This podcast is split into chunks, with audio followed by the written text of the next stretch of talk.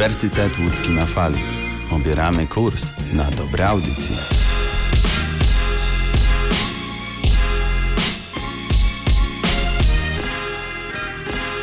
Za oknem możemy obserwować piękną pogodę i to, jak budzi się wiosna. Niestety możemy to robić tylko z odległości, ponieważ nie wolno wychodzić z domu, nie powinniśmy wychodzić z domu, ale możemy w tym domu zostać i słuchać audycji Uniwersytet Łódzki na fali. Teraz mówi do Was Piotr Kwiatkowski i zaczynam podcast o nazwie Cel Azja, czyli podcast o kontynencie azjatyckim, tym co się na tym kontynencie dzieje i wszystkich wydarzeniach dotyczących państw azjatyckich.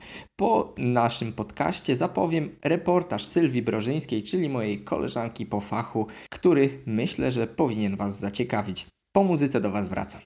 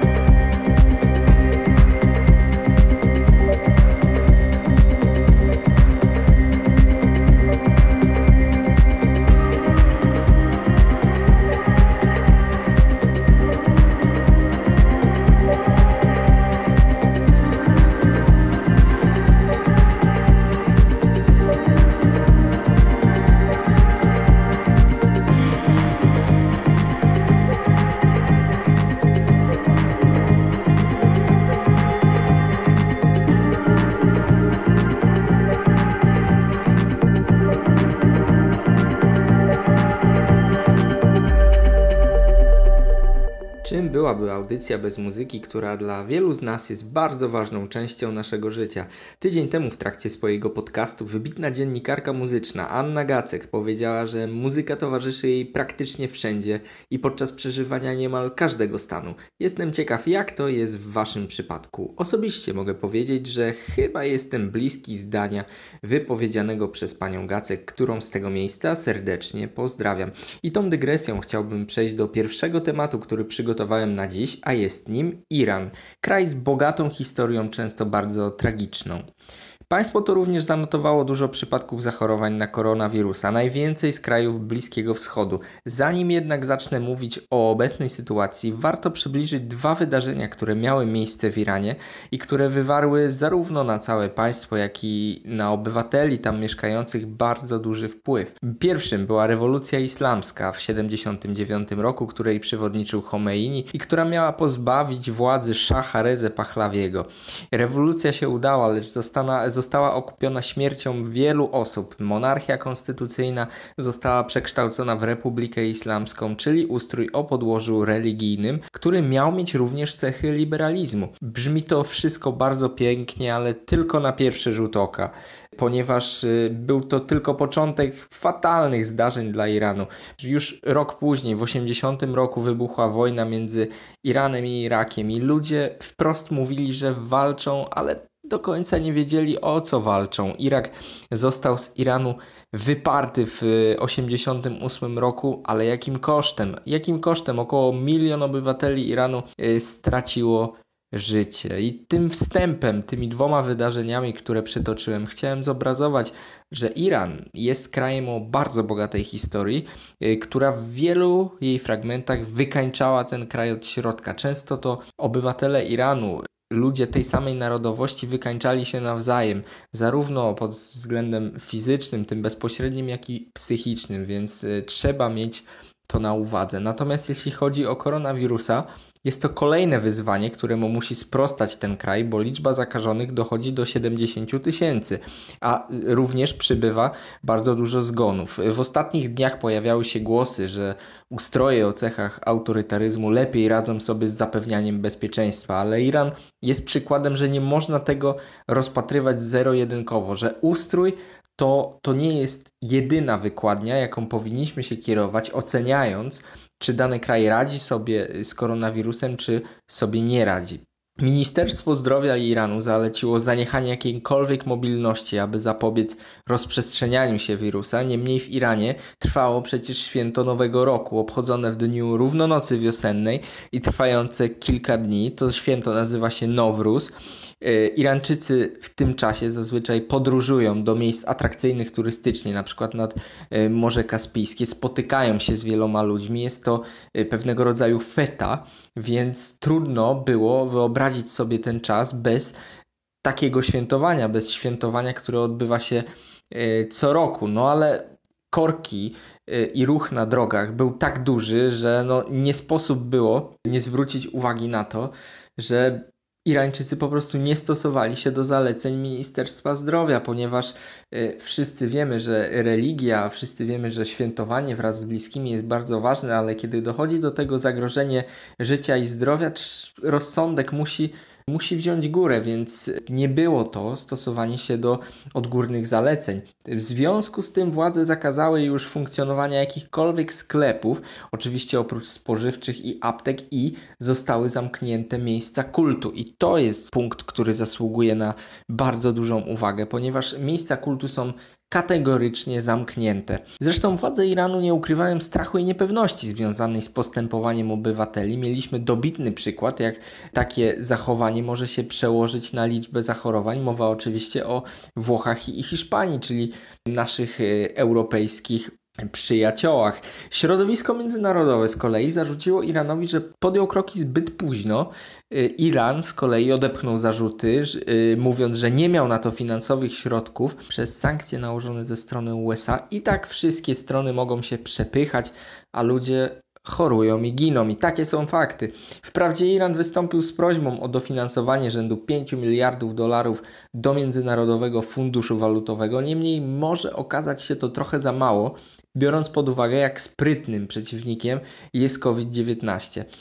Przypadek Iranu pokazuje, że obecna sytuacja na świecie jest naprawdę sytuacją nadzwyczaj poważną i jest to problem, problem o skali globalnej. Takim bardziej pozytywnym akcentem, yy, bo powiedzmy sobie szczerze, to co powiedziałem, wszystko było raczej w tym negatywnym świetle, w tym yy, mało optymistycznym świetle. Natomiast yy, fani siatkówki mogą pamiętać Iran z jednego incydentu podczas Ligi Światowej 2017, podczas gdy, podczas gdy nasza reprezentacja grała z reprezentacją Iranu i Iranka, kibicka, kibicka Iranu, która była na Atlas Arenie w tamtym dniu wywiesiła transparent e, domagający się równouprawnienia kobiet. Oczywiście została e, z hukiem wyniesiona, ponieważ wszelkie tego typu transparenty są na meczach zakazane, ale została okraszona brawami, więc e, tutaj fani siatkówki mogą sobie ten moment ewentualnie przypomnieć. Teraz spędźmy razem wspólnie chwilę z brzmieniem muzyki.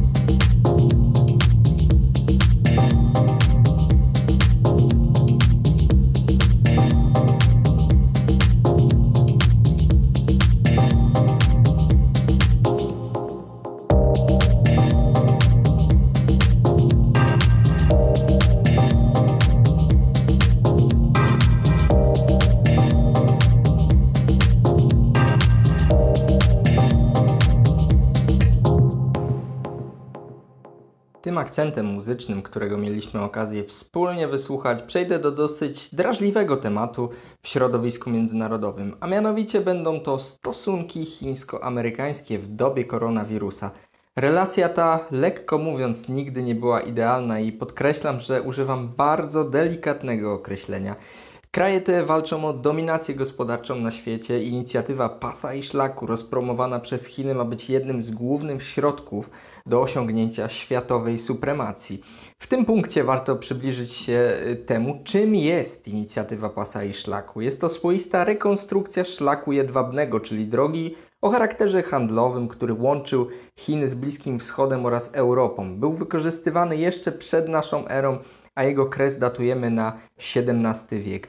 Cały szlak mierzył ponad 10 tysięcy kilometrów i Chiny postanowiły przedsięwziąć inicjatywę związaną z jego odbudową. Próbują, Chiny próbują oczywiście zaskarbić sobie sympatię takich krajów jak Węgry, Czechy czy Serbia poprzez rozległe inwestycje i pożyczki udzielane tym krajom. Oczywiście na mapie zainteresowań, zainteresowań Chin jest również Polska, co wyraża się również y, w inicjatywie 16 plus 1, ale może o tej inicjatywie opowiem przy innej okazji. Wpływ na Europę Chin w każdym razie jest coraz większy, co rzecz jasna nie podoba się Stanom Zjednoczonym, dla których wpływ na stary kontynent stanowi dużą część tej miękkiej siły, czyli soft power Stanów Zjednoczonych. Stany Zjednoczone używają w stosunku do koronawirusa określenia wirus chiński, co od razu daje do myślenia, jeśli chodzi o stosunek jednego kraju do drugiego. W takim określeniu niejako zawiera się stwierdzenie, że to Chiny są winne obecnej sytuacji na świecie. W Chinach natomiast pojawiły się już teorie, że koronawirus został przyniesiony z innego kraju i państwo środka nie ponosi pełnej odpowiedzialności za jego rozprzestrzenianie się. Obydwa państwa wykorzystują obecną sytuację do swoich celów politycznych, ale to Chiny mają teraz szansę przedstawić swój kraj jako ten, który sobie z tą epidemią poradził, podczas gdy Stany Zjednoczone próbują desperacko spłaszczyć tę krzywą zachorowań, która u nich wzrasta. Donald Trump po, początkowo mówił, że nie ma mowy o kryzysie gospodarczym i programach pomocy gospodarczej. Oczywiście eksperci wyrażali bardzo duże zdziwienie związane z tymi słowami, ponieważ Donald Trump podkreślał, że żaden problem nie istnieje. Szybko się ze swojej retoryki wycofał, ponieważ zbagatelizowanie tego mogłoby doprowadzić USA do głębokiej gospodarczej recesji. Przypomina mi to troszkę zachowanie Borisa Johnsona, który przez około tydzień szedł w złym kierunku, mówiąc, że i tak musimy tego wirusa przechorować i postanowił nie wdrażać żadnych obostrzeń w Wielkiej Brytanii. Skończyło się to bardzo negatywnymi skutkami, a sam premier Boris Johnson przebywa obecnie w szpitalu i jest w złym stanie. Co więcej, wracając do Stanów Zjednoczonych i Chin, Stany Zjednoczone oskarżają Chiny o fałszowanie danych związanych z liczbą zachorowań. No, Biorąc pod uwagę ustrój panujący w państwie środka, nie można tego wykluczyć. E, Chiny natomiast powściągliwie podchodzą do mediów amerykańskich i doszło nawet do wydalenia dziennikarzy takich gazet jak New York Times czy Washington Post e, z państwa środka. Po takich wydarzeniach mogą wzrastać wątpliwości dotyczące danych zach- dotyczących zachorowań w Chinach, ponieważ wydalanie dziennikarzy tak wpływowych gazet jest co najmniej zastanawiające. No, spór między tymi państwami pokazuje, że polityka to urządzenie, które może zarówno państwa ze sobą zjednywać, ale również zaślepiać. I czas pokaże, jak będzie wyglądała sytuacja na linii Waszyngton-Pekin w najbliższej przyszłości, ale naprawdę trudno przypuszczać, że dojdzie do znacznego ocieplenia stosunków. Tyle jeśli chodzi o relacje chińsko-amerykańskie, a po muzyce powiem trochę o Singapurze.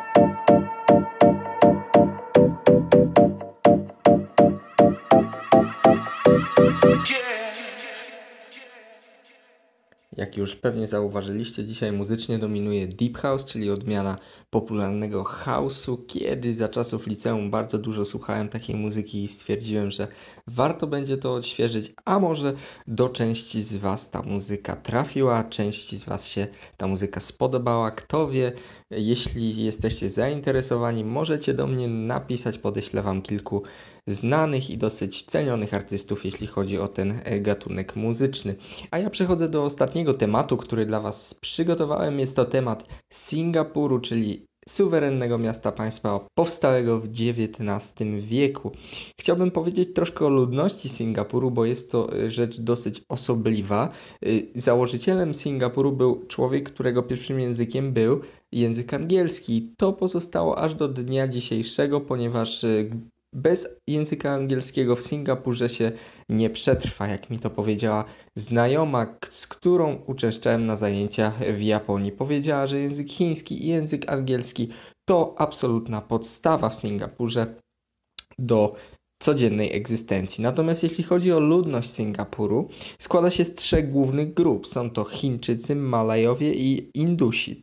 Zacznę może troszkę od Malajów, którzy podobnie jak Chińczycy i Indusi w dużej części są potomkami imigrantów, bo przybyli tutaj zdecydowanie wcześniej niż inni. Obecnie stanowią tylko 14% całej ludności i mimo silnego wpływu singapurskich Chińczyków, malajskie elementy trwają w symbolach państwowości, czyli Hymn singapurski śpiewa się po malajsku, malajski jest też językiem narodowym, a pierwszy prezydent po uzyskaniu przez Singapur niepodległości był również Malajem.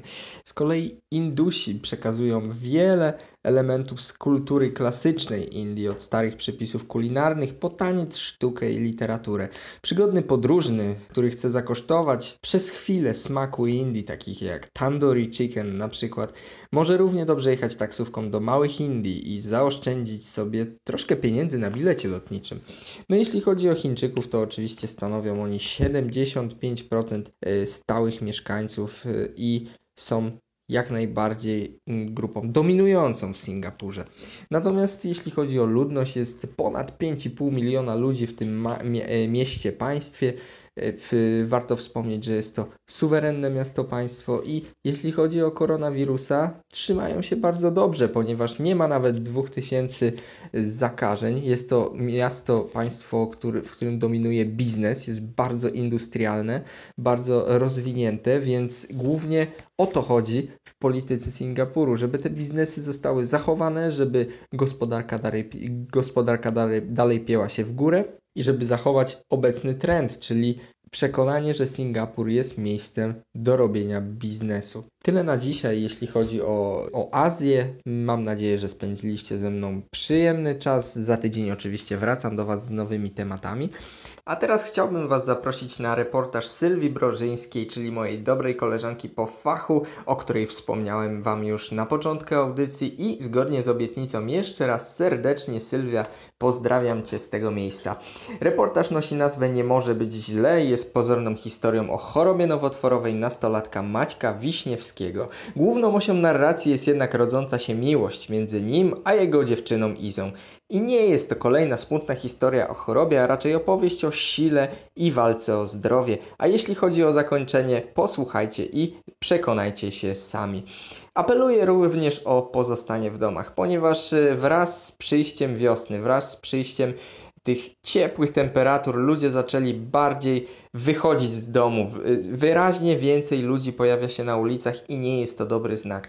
Jeśli chcemy zahamować zaka e, wzrost zakażeń, jeśli chcemy pokonać koronawirusa, musimy stosować się do zaleceń. Musimy zagryźć zęby, zostać w domu, aby potem cieszyć się znowu wolnością, cieszyć się tym, że możemy znów podróżować po Polsce i po świecie i robić sobie wspólne spacery z przyjaciółmi i rodziną.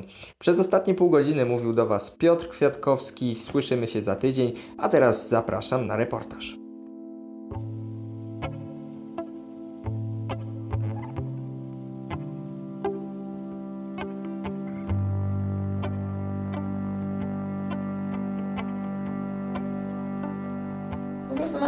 Właśnie dość rozpoznawalną osobą wśród tam takich e, młodzieży w naszym wieku, wtedy tam 16-17 lat. No i że po prostu obracał się wśród e, dużej grupy znajomych, a ja raczej tak e, miałam swoje grono, tam jakichś przyjaciół, a nie tak, nie byłam aż tak bardzo otwartą osobą. Ale jak go poznałam, to okazał się całkiem w porządku chłopakiem. Całkiem spoko, tak 2 na 10.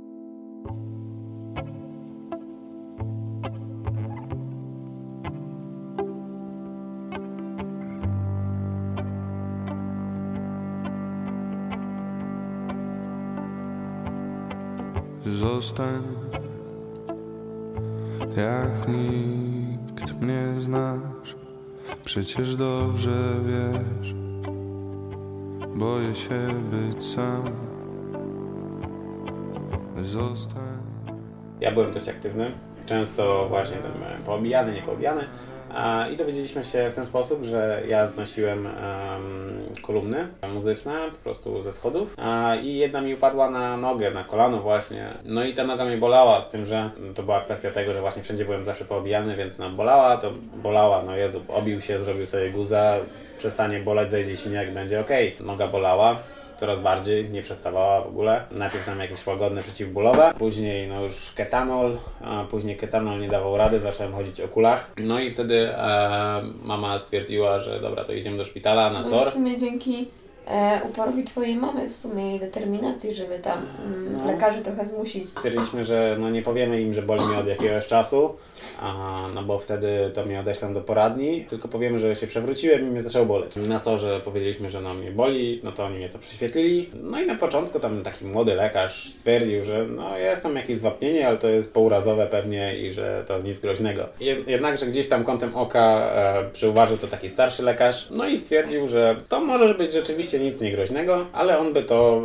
e, jednak dalszej analizie poddał. Pojechaliśmy do Łodzi i tam po prostu gość, po, e, pan lekarz, doktor, po zrobieniu nam USG, prześwietlenia, stwierdził, że z jednej strony to może być coś zupełnie niegroźnego, a z drugiej coś bardzo poważnego. No i poszedł do po, pokoju lekarskiego mm, po prostu się naradzić z bardziej doświadczonymi od siebie. Lekarze wchodzili, wychodzili, wchodzili, raz wbiegali i to było dość e, stresujące. E, no i po tych naradach po prostu wyszedł do nas e, lekarz, no i powiedział, że no niestety diagnoza nowotwór kości e, i że no trzeba będzie to leczyć.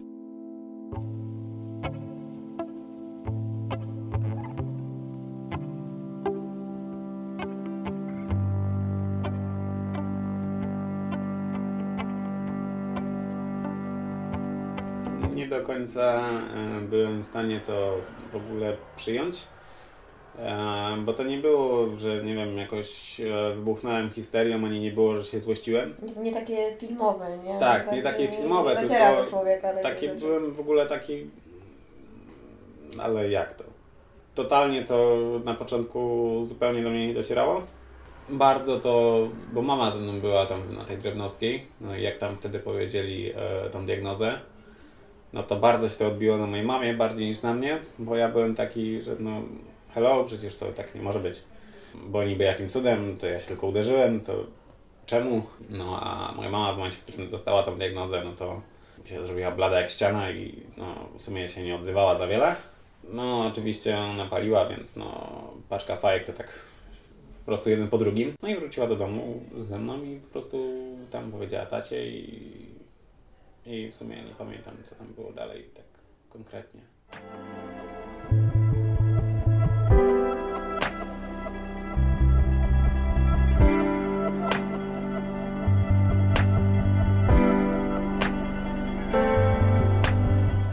Ale pamiętam, że właśnie mi to bardzo wkurzało, że jak próbowałam coś mu odpisać na lekcjach i e, chemiczka zawsze była taka, proszę ten telefon schować, proszę ten telefon schować. I takie, kurde, nie po prostu zaraz wyjdę z tej sali i e, po prostu zadzwonię i dowiem się o co chodzi, że po prostu ona myślała, że nie wiem, sobie tam skroluję Facebooka czy takie rzeczy.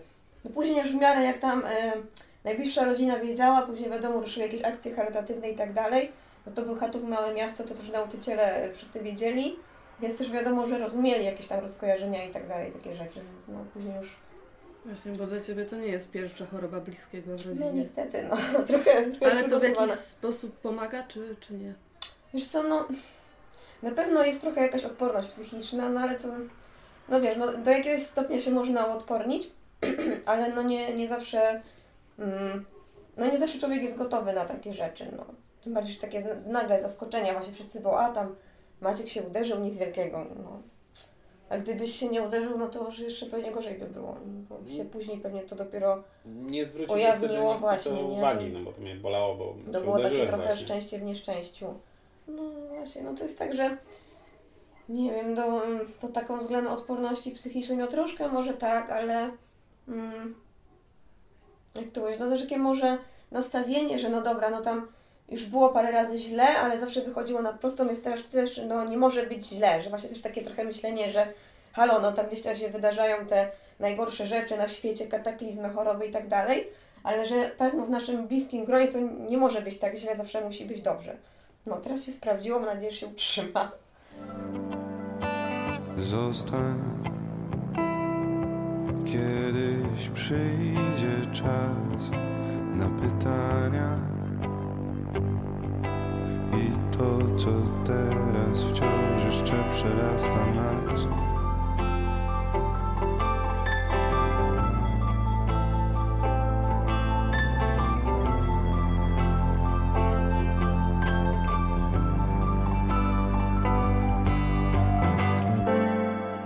Ponieważ ja wykazywałem bardzo dużą odporność na tę chemię, no to dostałem najcięższą po prostu, jaką można dostać.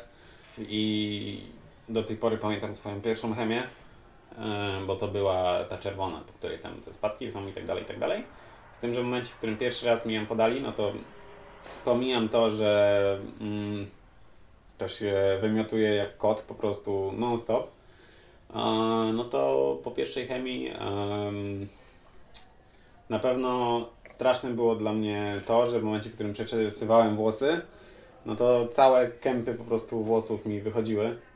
E, więc no to było dla mnie bardzo męczące. Z tego względu też em, z mamą pomyśleliśmy, że kurczę, po prostu cię zgolimy na maszynką na, już na jeżyka, no to to szybko wypadnie. Co było błędem? To było bardzo dużym błędem, bo jak się zgoliło na jeżyka, to później te włoski były jak igiełki i generalnie wystarczy było mnie dotknąć i ja się krzywiłem, bo to bardzo bolało.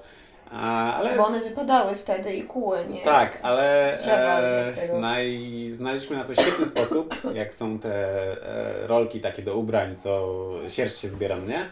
To w momencie, w którym się przejechało, tak, to rzeczywiście na tej rolce zostawały takie, wiesz, normalnie em, paski, jak się przejechało tym klejącym, to e, paski włosów zostawały i to było najlepsze po prostu, co my wymyśliliśmy wtedy.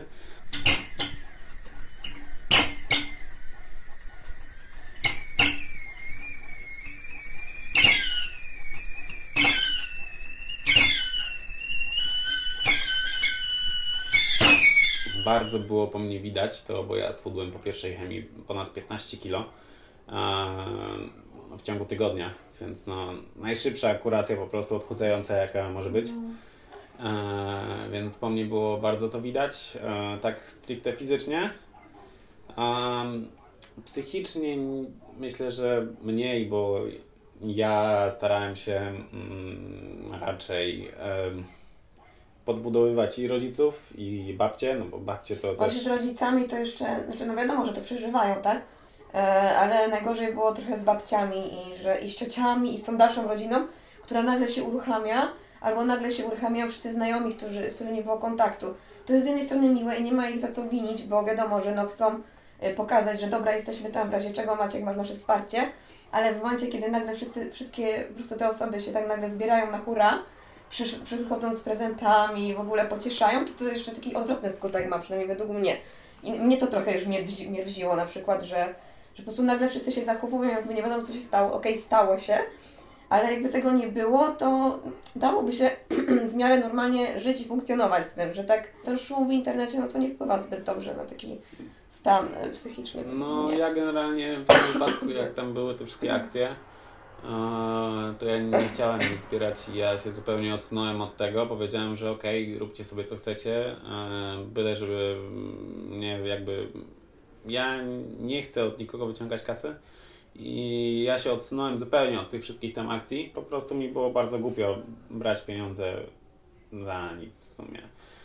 i e, źle się z tym czułem. Baliśmy się bardzo o babcię, że jak jej powiemy, no to ona jest sercowa i że może po prostu coś się stać. Każdym razie, e, no jakoś to przyjęła do wiadomości. Bardzo mnie irytowało to e, i to długo było, że babcie mnie widziały i potrafiły mi się rozpłakać obok i mnie to bardzo irytowało. Na początku to jakoś tam zlewałem, no okej, popłaczą. Później to mnie zaczęło e, denerwować. Do tego stopnia, że ja potrafiłem nakrzyczeć na babcię. No co było niemiłe, ale no jakby wtedy troszkę inaczej też postrzegałem to wszystko. Pamiętam, że była sytuacja, że po prostu mama też stwierdziła, że do babci, że jak macie płakać po prostu tutaj nad e, Maćkiem, to że nie przyjeżdżajcie. Tu jak mówiłaś, że ludzie zaczęli albo tak bardziej em, się zbliżać, to może z Twojej perspektywy tak to wyglądało, ale ja na przykład czułem się troszkę właśnie, że ludzie zaczęli się odsuwać. Chyba w tej chwili wiem do koń- e, o co chodziło, bo ludzie się bali po prostu ze mną rozmawiać e, o tym, że jestem chory, że tam, nie wiem, może jakiś faux-pas popełniam czy coś takiego. E, I wtedy po prostu miałem takie wrażenie, że wszyscy się odsunęli po prostu, bo się pochorowałem.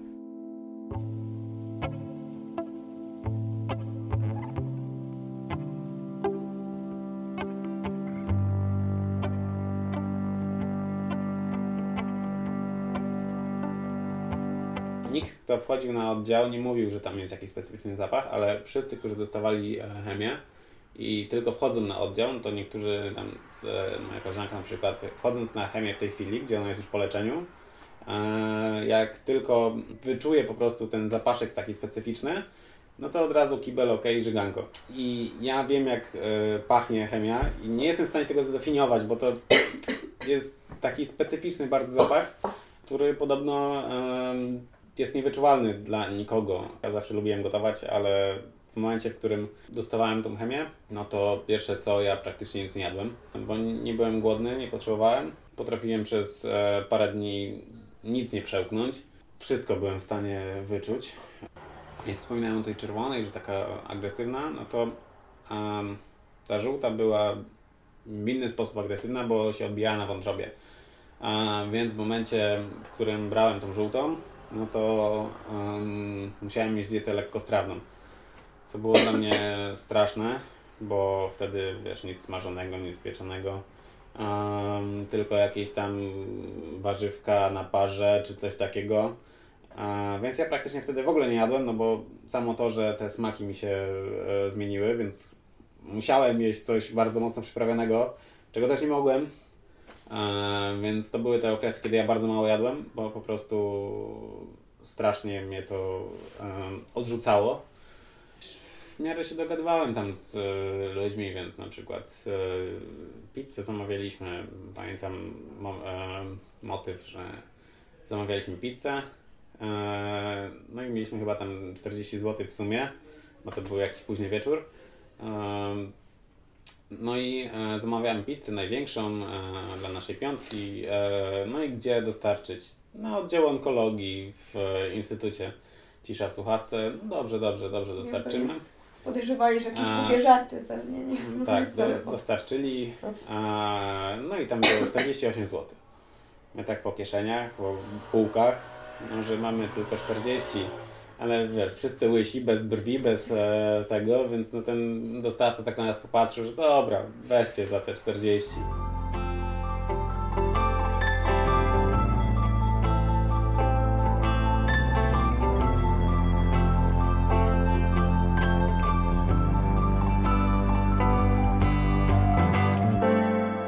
Zupełnie zobojętniałem jakby na to, co się dzieje.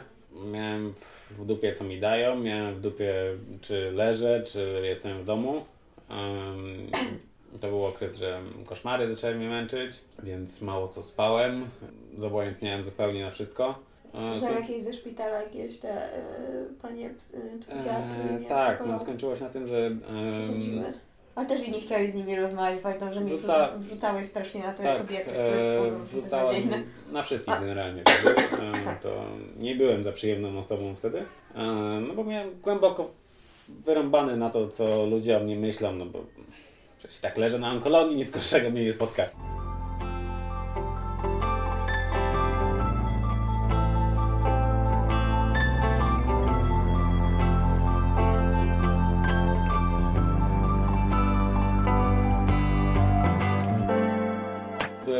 Koszmarnie zmęczony. E, już męczyło mnie samo e, podniesienie się z łóżka. Męczyło mnie to, że jestem non-stop na oddziale. E, Męczyło mnie to, że jestem non-stop pod, pod kroplówką i wszędzie chodzę po prostu z gigantycznymi workami um, chemii, tam półkanki tak zwanej, po prostu na stojaku. Bardzo nieprzyjemny moment. Mówiłem do różnych osób bardzo nieprzyjemne rzeczy, bo tam byłem w stanie narzucać na rodziców, byłem w stanie narzucać na dziadków. Oczywiście później przeprosiłem, ale tak czy inaczej to jakby do tej pory mam pewne poczucie winy, że No, przecież oni to akurat...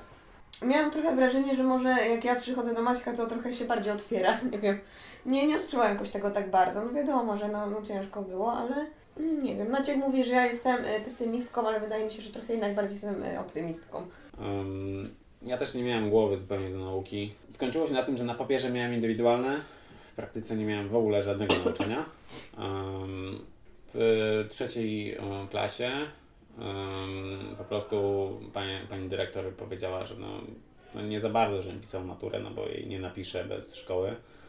Um, Bała się, że nie zdasz i Bała- wyniki będą złe, nie będzie stuprocentowej zdawalności. Em, Bała się, że nie zdam i no, że tam była stuprocentowa zdawalność w Herbercie, no to po prostu robiłem pod górkę raczej, e, jeśli chodzi o moje zdawanie matury. E, z tym, że ja stwierdziłem, że no, ja chcę to zrobić i nie ma opcji, że tego nie zrobię.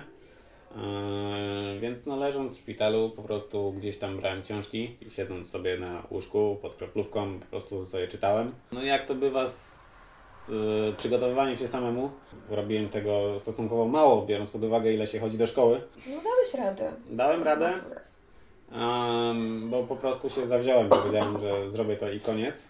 No ale też udało nam się w sumie pójść na dwie studniówki. I właśnie też to było tak w sumie jakoś się akurat złożyło, że yy, to ty prze- przerwy miałeś między chemiami, że się w miarę dobrze czułeś, że normalnie... em, przerwie. mm, No. Że, Znaczy, czy dobrze się czułem, czy ja w ogóle wtedy się dobrze nie, no czułem tak, no ale pamiętam, że tańczyliśmy normalnie, że, że to nie było, że jakoś, no wiadomo, że no człowiek jest osłabiony, tak? Ale że nie, nie czułeś się jakoś bardzo źle, na przykład porównując do osoby, która by poszła z gorączką na imprezę taką studniówkową, to myślę, że ta osoba z gorączką by się gorzej bawiła i bardziej by cierpiała niż ty. No myślę, że tam było, było tak w miarę w porządku. Zostań jak nikt mnie znasz. Przecież dobrze wiesz, boję się być sam. Zostań do rana raz, może zwykły dzień nic nie zmieni w nas. Takich konkretnych e, przykładów to w sumie za bardzo nie pamiętam. Pewnie też trochę mój mózg już to wyparł, co, co gorsze, nie? Ale mm, no na pewno, no takich codziennych sytuacjach, że wiesz, tam gdzieś po szkole na przykład się gdzieś umawialiśmy, czy szliśmy sobie razem do domu i tak dalej, no to tego nie było, wiadomo. Jak miałam jakiś wolny weekend, czy luźniejsze zajęcia, na przykład, nie wiem, wybrałam sobie jakieś wolne w szkole, oczywiście za zgodą wszystkich, to na przykład jechałam do Warszawy na Maćka wtedy, na, na dwa dni na przykład. Więc wiadomo, że no to było trochę ciężej, że odległość i tak dalej, nie było takiego normalnego życia. Lekarz mi nie powiedział, że wyzdrowiałem, bo wszyscy mówili, że ja nie wyzdrowię, że to jest choroba do końca życia. A jedyne co to można po prostu e, ją zatrzymać i em, no, że może się później już nie pojawić, tak? Em, w każdym razie ci lekarze byli o tyle fajni w Warszawie, że oni mówili prosto z mostu, co, jak, gdzie. E, co bardzo szanowałem, bo ja zawsze wiedziałem, czy coś mi jest, czy mi coś nie jest, czy mogę robić to, czy nie mogę robić tego. Mówili, że jest źle, mówili, że jest dobrze, no zależy co tam było. W każdym razie nigdy nikt mi nie powiedział, że no wyzdrowiałeś, gratuluję. Nikt mi tego nigdy nie powie, bo no jestem jakby non-stop na kontrolach. Po zakończeniu leczenia to było co miesiąc, później było co trzy miesiące. Teraz już mam na, za pół roku.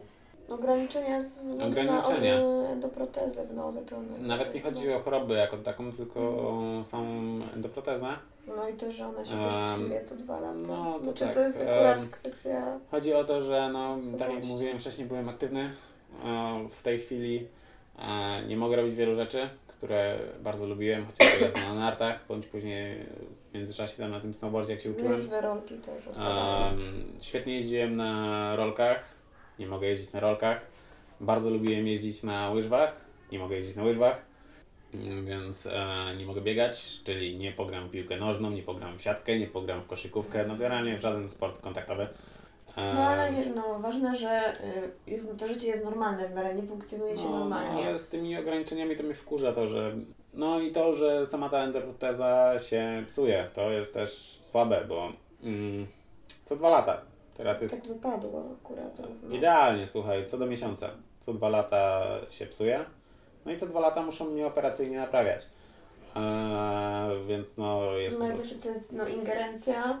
W praktyce metal przechodzi mi przez większość nogi, eee, ale no w teorii jest to tylko staw kolanowy i mały fragment eee, po prostu na udzie, na dole uda. Ogólnie chyba po prostu sam fakt, że, że takie wracamy do normalności, że się udało, że jest fajnie, że tak dalej. No i no wiadomo, że takie no ekscytacja, że sobie pojedziemy na studia razem, że bierzemy sobie miasto, takie no, nowe rzeczy, nowe wyzwania, wiadomo, mieszkanie razem, osobno, znaczy no, osobno, nie, nie z rodzinami w domu, tak, w innym mieście. Y, No i sam, sam taka eks- ekscytacja po prostu studiami. No lubimy sobie podróżować, zwiedzać. Jest tak, no, tak, na pewno to już łatwiej dużo, tak jak Maciek nie musi, się, nie musi br- brać udziału w leczeniu, jest zdrowy, no to, to na pewno jest dużo łatwiejsze.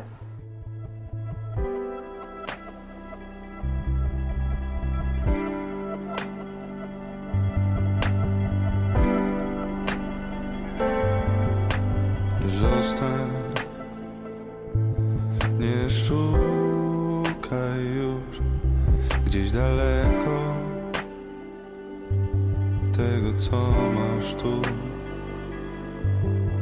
Zostań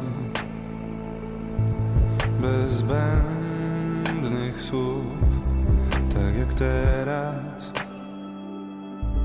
Cierpliwie obok, bądź po prostu dzień po dniu Zostań No i generalnie to był moment akurat między chemiami, że mi odrastały brwi, z tym, że nadal byłem łysy, ale brwi miałem.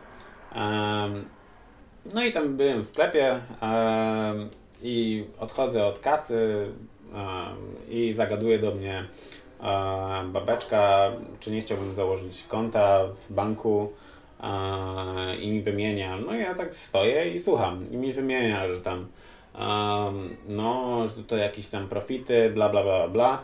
E, I w międzyczasie też tam wrzuciła, że mm, no i e, w przypadku e, jakiejś poważnej choroby, no to, że e, zapewniają fundusze i tak dalej, i tak dalej. Ja niewiele myśląc, a w momencie, w którym, tak jak teraz, ja mam raka, to czy wy mi zapłacicie, jeśli założę konto? Babeczka cisza, popatrzyła na mnie. No bo wie pani, ja tak łysy nie z wyboru, tylko po prostu e, się leczę chemicznie. A tak cisza. Em, a to em, no, nie wiedziałam, przepraszam, i to chyba nie, bo to chyba nie damy panu e, pieniędzy, no bo to już jest ta choroba i zaczęła się tak jąkać i tak generalnie niespójnie mówić, że mnie to bawiło, ale no może to był takie e, bardzo też e, wredne i chamskie.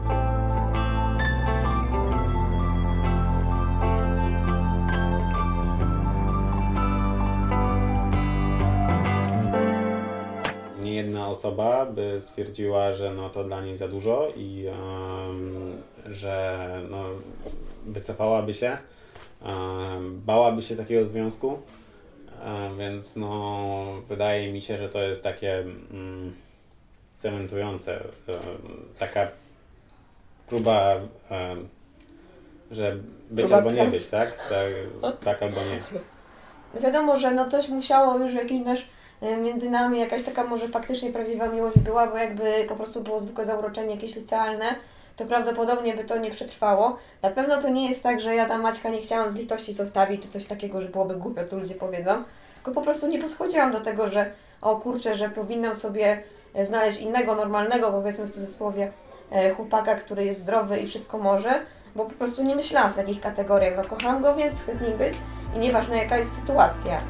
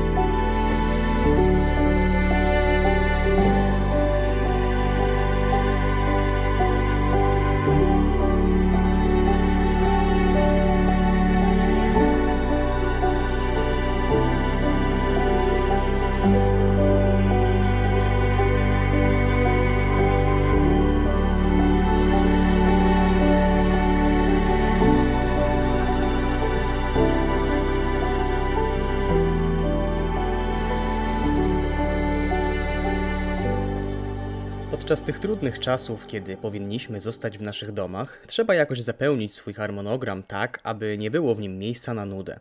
Można coś obejrzeć, poczytać albo posłuchać, a jeżeli piłka nożna jest waszym konikiem, to trafiliście w dziesiątkę. Z tej strony Damian Markowicz, witam was w Sportkaście. Światowy sport co prawda wstrzymał oddech, ale to nie znaczy, że nie ma tematów do rozmów.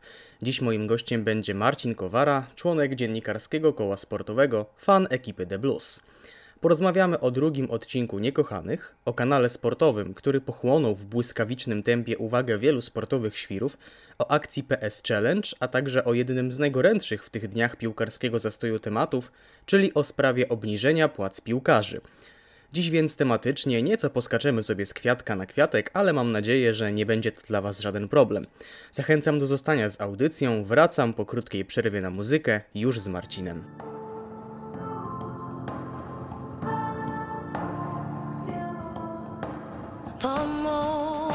I throw my backpack in the trunk of your eyes. car, not knowing where we're going. I'm hoping that it's gonna be far.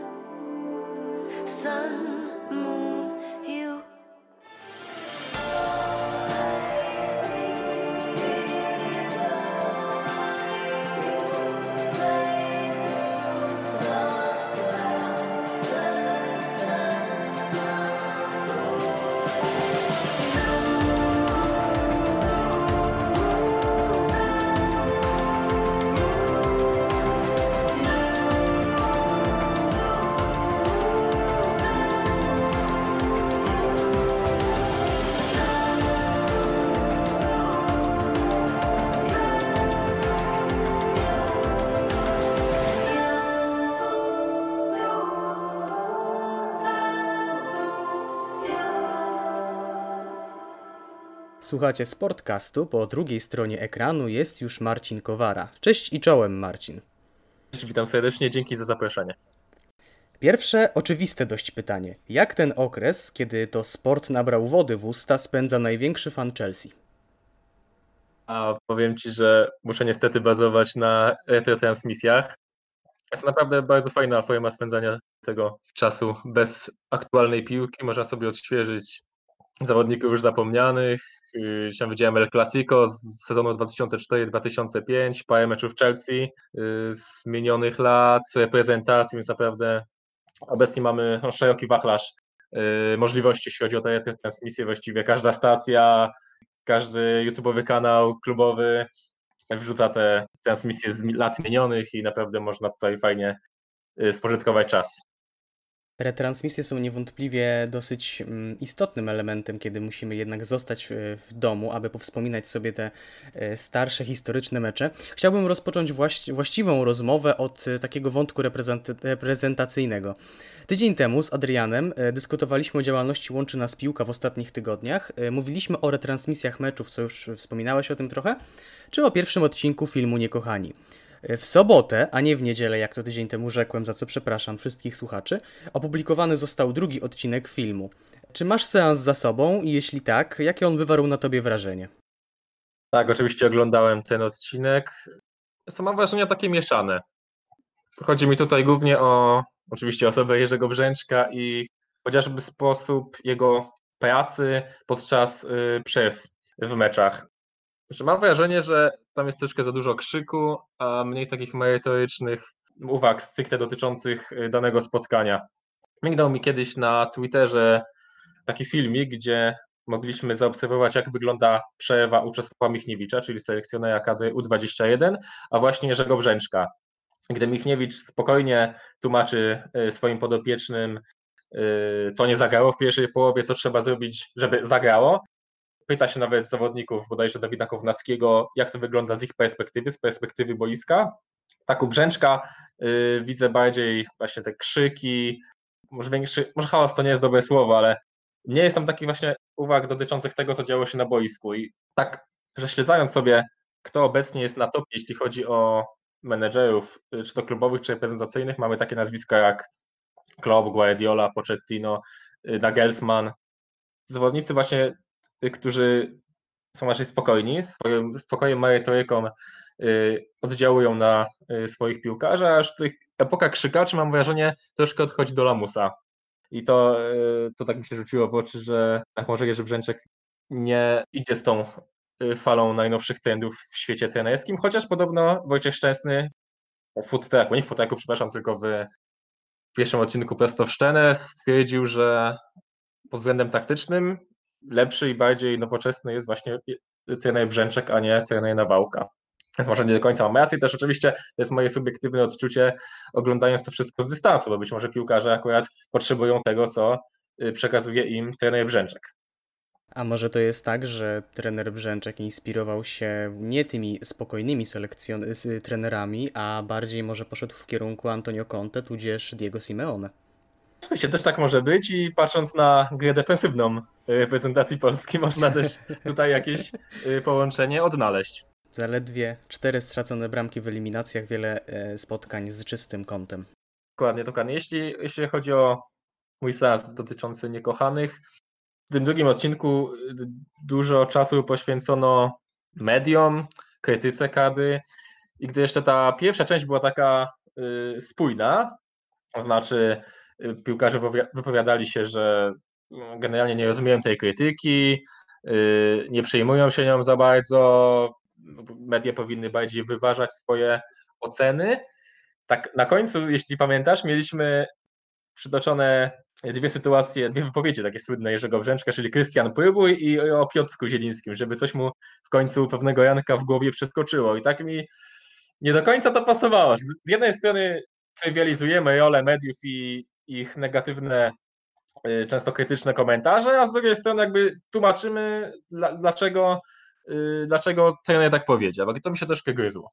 A ja muszę się zreflektować, bo straci- straciliśmy oczywiście 5 bramek. Zapomniałem o bramce, którą strzelił nam Izrael w rewanżu. E, wspomniałeś tutaj o tych e, niewątpliwie dosyć istotnych sytuacjach, takich e, małych niuansach, które wpłynęły na e, po- sposób postrzegania trenera Brzęczka.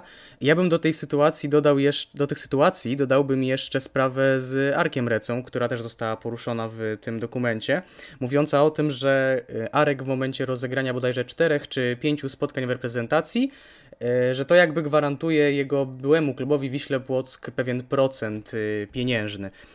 Mi personalnie wydaje się, że to było dobre zagranie ze strony mm, producentów tego, tego dokumentu, ponieważ pokazało, że no, nie boją się podjąć tych e, trudniejszych tematów, e, patrząc na przestrzeń e, eliminacji, czy w ogóle całej pracy Jerzego Brzęczka. Mi osobiście ten dokument wyjaśnił co nieco co do tych sytuacji. Przed do, tym dokumentem nie podzielałem skrajnych e, opinii, skrajnie negatywnych opinii o tych sytuacjach, ale wydaje mi się, że po nim, a przynajmniej mam taką nadzieję, podziela je już naprawdę mało kto. Jestem skłonny się z tym zgodzić, natomiast mówię, troszkę jakby to zestawienie takie i płynność materiału mi troszkę tutaj y, zawadziła, natomiast masz rację, wszystko jest fajnie wytłumaczone, zwłaszcza z sytuacją Krystiana Bielika, gdzie jest nawet fragment, gdzie Krystian rozmawia z selekcjonerem na zgrupowaniu, więc te argumenty, że jedynie dostał tą sugestię od trenera, żeby próbował, no nie były y, prawdziwe. Natomiast właśnie wspomniałeś o dużej krytyce dotyczącej selekcjonera. Ja mam takie wrażenie, że już nieważne, co by selekcjoner zrobił, co by powiedział, to po prostu będzie krytykowany za to i jedyne, czym się może obronić, to świetnym wynikiem na Mistrzostwach Europy. Teraz można powiedzieć, troszkę kupił sobie czasu. Z jednej strony fajnie, bo może popracować na spokojnie, gdzieś obmyślić kolejne, kolejne ruchy, natomiast też ten moment krytyki będzie wydłużony, to znaczy no, nie wygra sobie y, lepszej pozycji u kibiców wygranym sparingiem z Finlandią na przykład, tak? bo to jest absolutnie niemożliwe. Musi udowodnić swoją wartość na turnieju głównym. Natomiast właśnie o wypowiedziach Brzęczka chciałbym też coś wspomnieć, gdyż mam wrażenie, że już teraz naprawdę co powie, to będzie źle i jestem przekonany, że gdyby zrobić taki eksperyment i wypowiedzi Jerzego Brzęczka podpisać nazwiskiem, nie wiem, Pepa Guardioli, yy, Jurgena Kloppa czy innego trenera stopu, to wszyscy by się zachwycali. Wow, super yy, wizja taktyczna, genialne spostrzeżenia, co to jest za trener. Yy, jestem właśnie przekonany, że tak by było. No tylko, że mówi to Jerzy Brzęczak, to już nikt nie traktuje tego poważnie. Myślę, że nie trzeba wychodzić nawet y, do takich trenerów jak Pep Guardiola czy, czy pozostali, ale wystarczyłaby konfrontacja z Adamem Nawałką. A czy czasami Michniewiczem, który jest obecnie bardzo mocno forowany przez, przez wielu osób, wiele osób, nawet chyba dziennikarz weszło Mateusz Raguszewski powiedział w programie ze Zbigniewem Bońkiem, że to on powinien być głównym selekcjonerem, a nie, a nie Jerzy Brzęczek. No to nie była tylko pewnie jego opinia po bardzo udanych eliminacjach, czy no turnieju tak częściowo, bo oczywiście dwa pierwsze spotkania z Belgią i Włochami były jak najbardziej udane, o tyle mecz z Hiszpanią można raczej zapisać mimo wszystko do minusów, ale naprawdę wiele osób widziało Czesława Michniewicza na, jako trenera tej pierwszej reprezentacji, aczkolwiek myślę, że po meczu z Bułgarią, który był ostatnim rozegranym przez młodzieżówkę, te opinie troszeczkę zgasły. Tak, mieliśmy niestety przykrą niespodziankę w tym meczu z Bułgarią, natomiast w poprzednich e, spotkaniach, czy też turnieju głównym, tak jak wspomniałeś, kadra spisała się naprawdę nieźle. No chyba nikt po losowaniu młodzieżowych mistrzostw Europy nie spodziewał się, że e, będziemy w stanie zdobyć tyle punktów. I tutaj co ciekawe, zwróćmy uwagę, że w sumie i kadra Jerzego Brzęczka i Czesława Michniewicza prezentuje podobny styl, czyli gdzieś tam gramy nieźle w obronie, yy, często defensywnie, ale już krytyka mediów kadry Michniewicza nie dotyka, no bo osiągał fajne wyniki, albo inaczej, osiągał te wyniki, ale z drużynami naprawdę jakościowymi, czyli Belgia, Włochy, a jednak no Jerzy Brzęczek ok, wygrywał, ale te prezentacje na kolana nie rzucały. Właśnie też uwa- zauważam, że ta kryty- krytyka wobec y, dorosłej kadry, ona nie jest aż tak bardzo nakierowana na to, co się dzieje tu i teraz.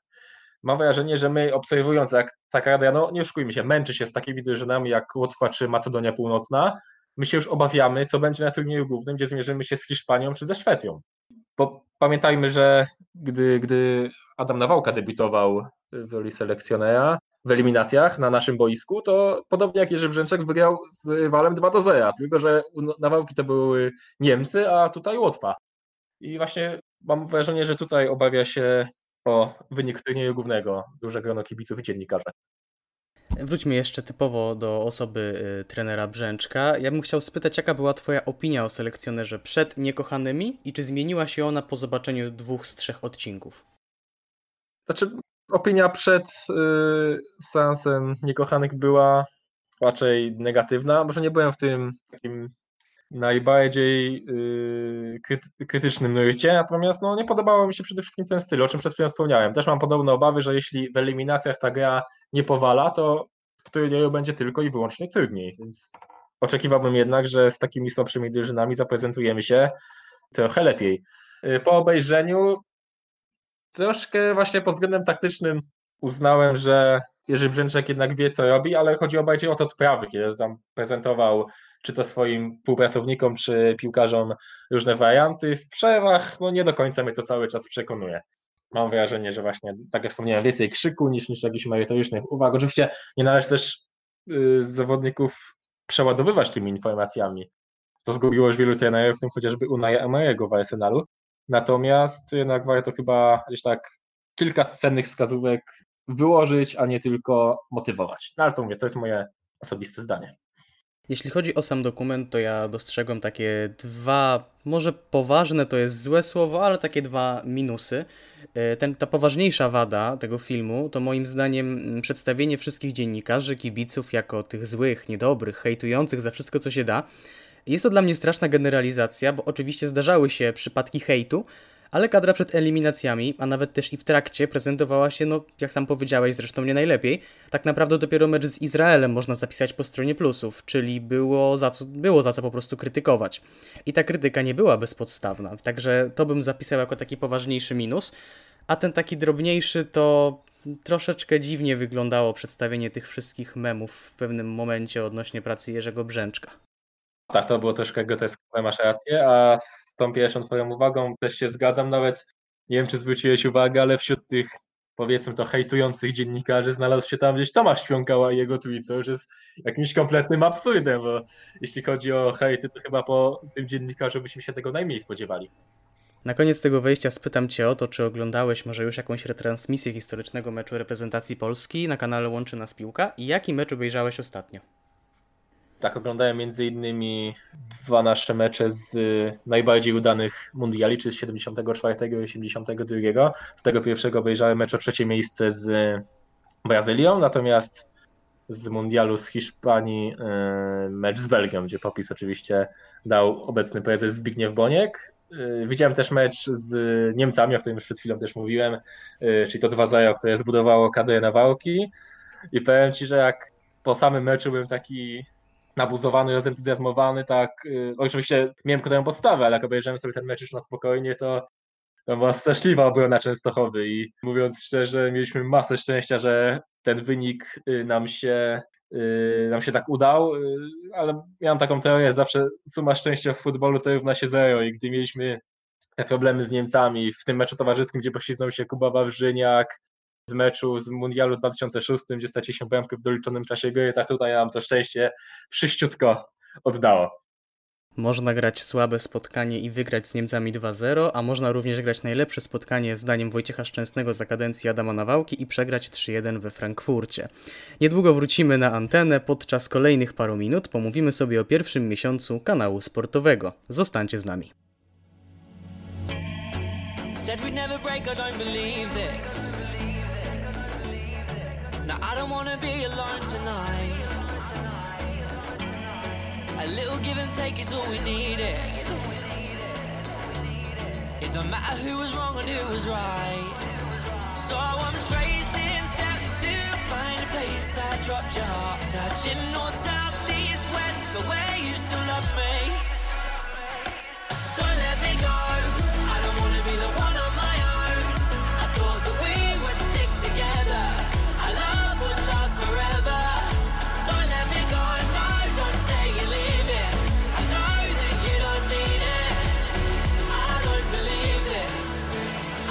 Believe this. I don't know if I know how to take this. I'm begging that you give a little time. Just sit and a think about it, wait here. So I can have a chance to change your mind. So I'm tracing steps to find place I dropped your heart, touching north, south, east, west, the way you still love me.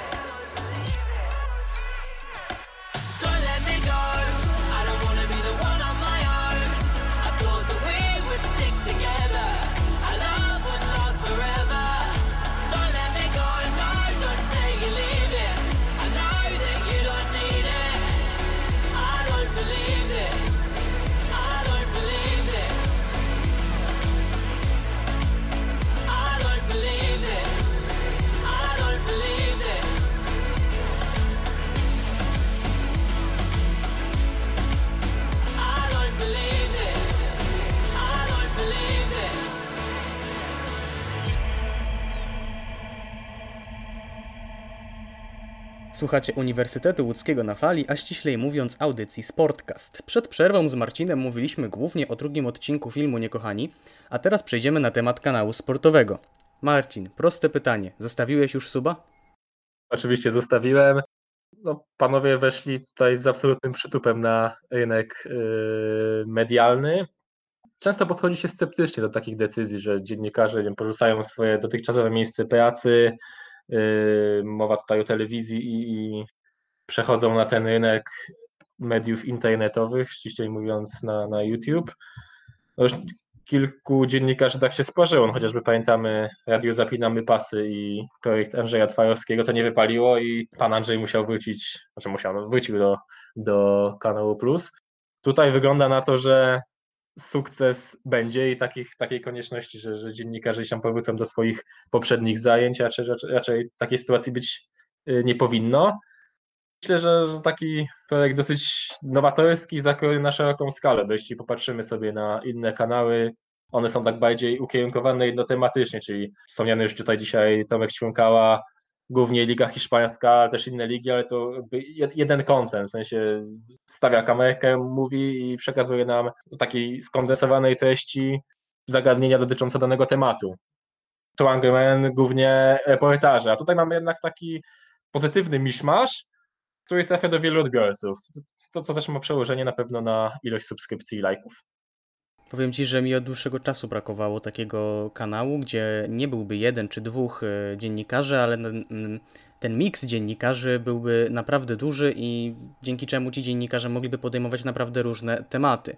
A który z projektów e, kanału sportowego przypadł ci do gustu najbardziej? Bo u mnie będzie to stara, dobra misja futbol.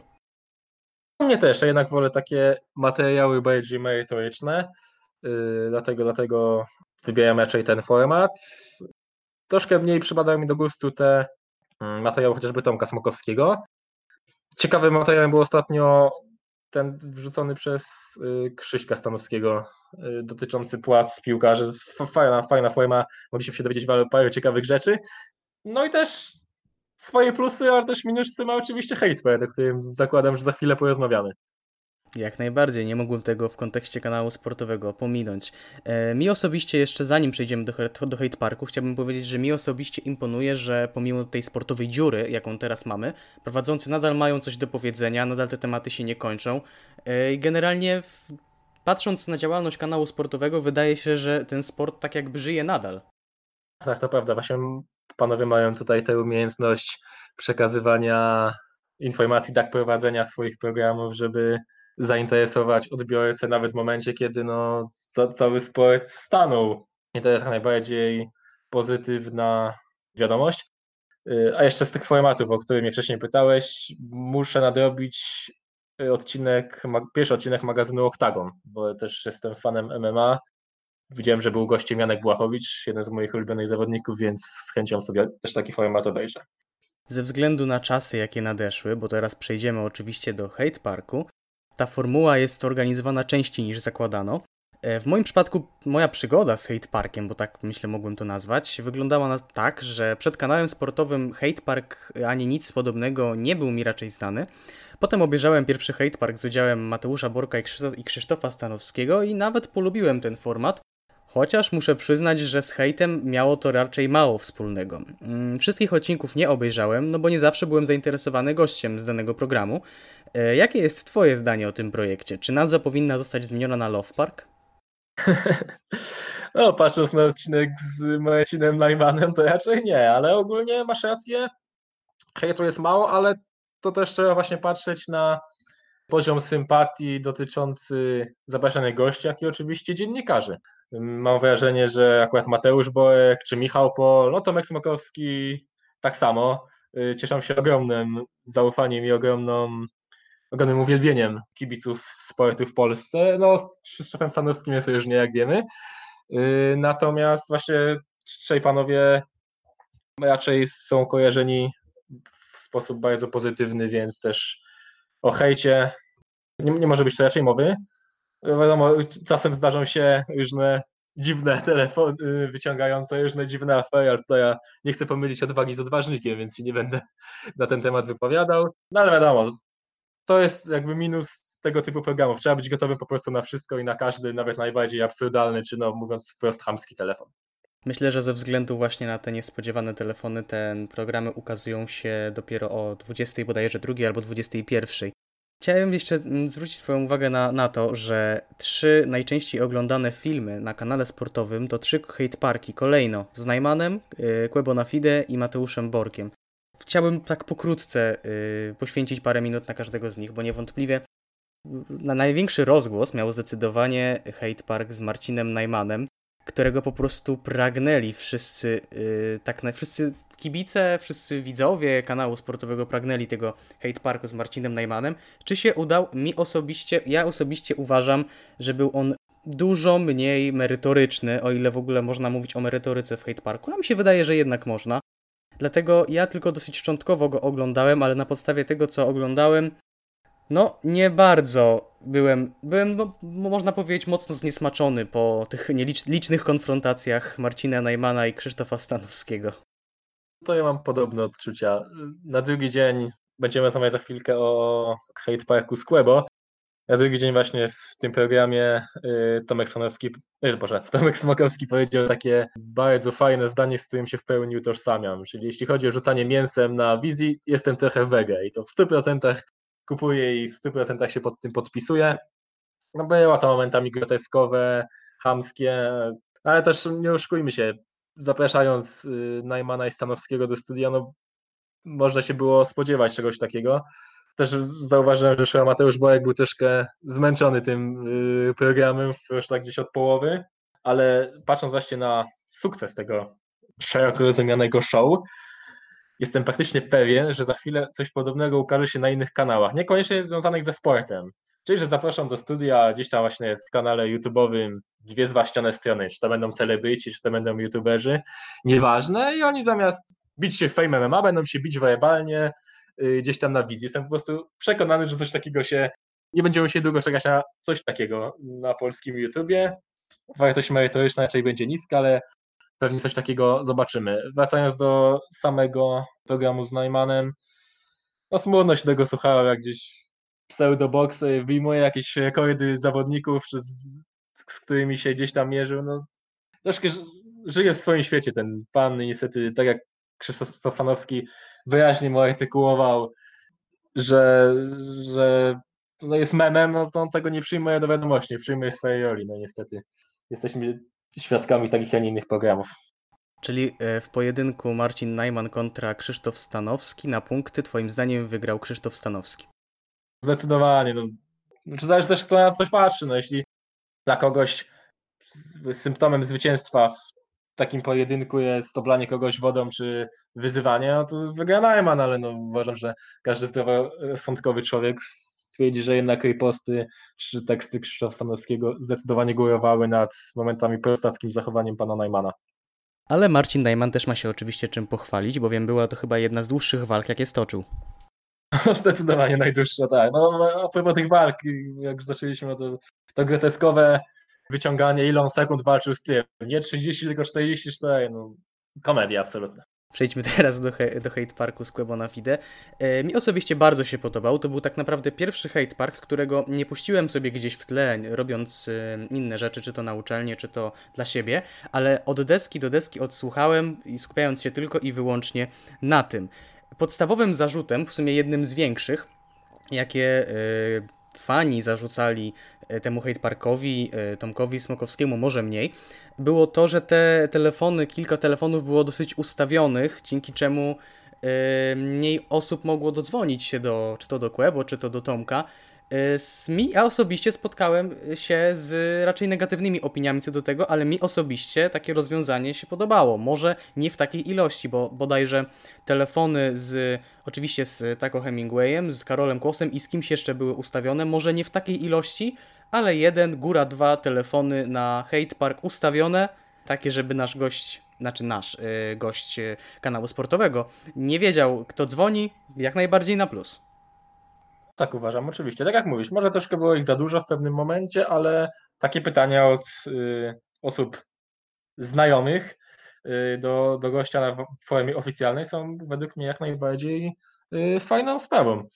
Y, Też obejrzałem cały, cały ten odcinek, też mi się bardzo podobał, bardzo y, dużo merytorycznych treści.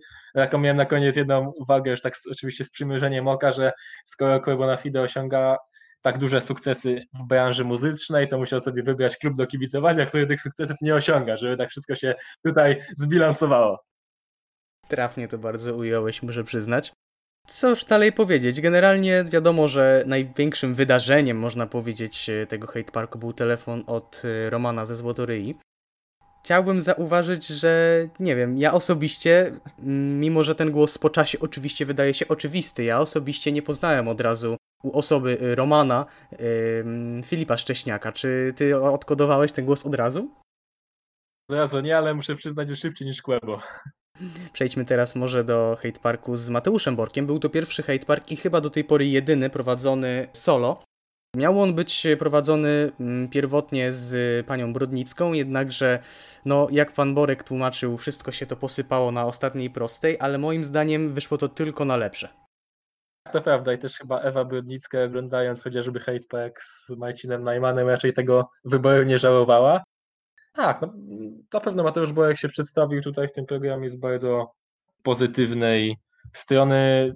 Odcinek ten bardzo mi się podobał. Przyznaję, że nie obejrzałem go w całości, ale większe fragmenty widziałem i bardzo dużo, dużo fajnej treści. Też pamiętam ten jeden telefon, gdzie wręcz Mateusz Borek tam motywował widza czy, czy jego dziewczynę, która się straciła pracę. I bardzo, bardzo fajna, naprawdę nie dziwi mnie absolutnie ten pozytywny odbiór, którego byliśmy świadkami w mediach społecznościowych. Ja obejrzałem akurat Hate Park z Mateuszem Borkiem z jednodniowym opóźnieniem. Yy, Na pewno w słuchaczom rzuciło się w uszy to, że mogę się mylić, ale łącznie podczas całego bodajże półtora albo dwugodzinnego Hate Parku było chyba zaledwie pięć telefonów. Pan Mateusz strasznie się rozgadywał, ale to też wcale nie jest, nie musi być e, wada. Oczywiście, jeśli pytanie, czy dany temat, który Mateusz Borek poruszał, był ciekawy, interesujący, no to wiadomo, trafi to do, do szerokiego grona osób i jest jak najbardziej pozytywne. Nie, nie muszą być jakieś szyb, stricte odpowiedzi do danej osoby, czy jakieś szybkie po prostu y, odpowiedzi, żeby się jak najwięcej osób odzwoniło.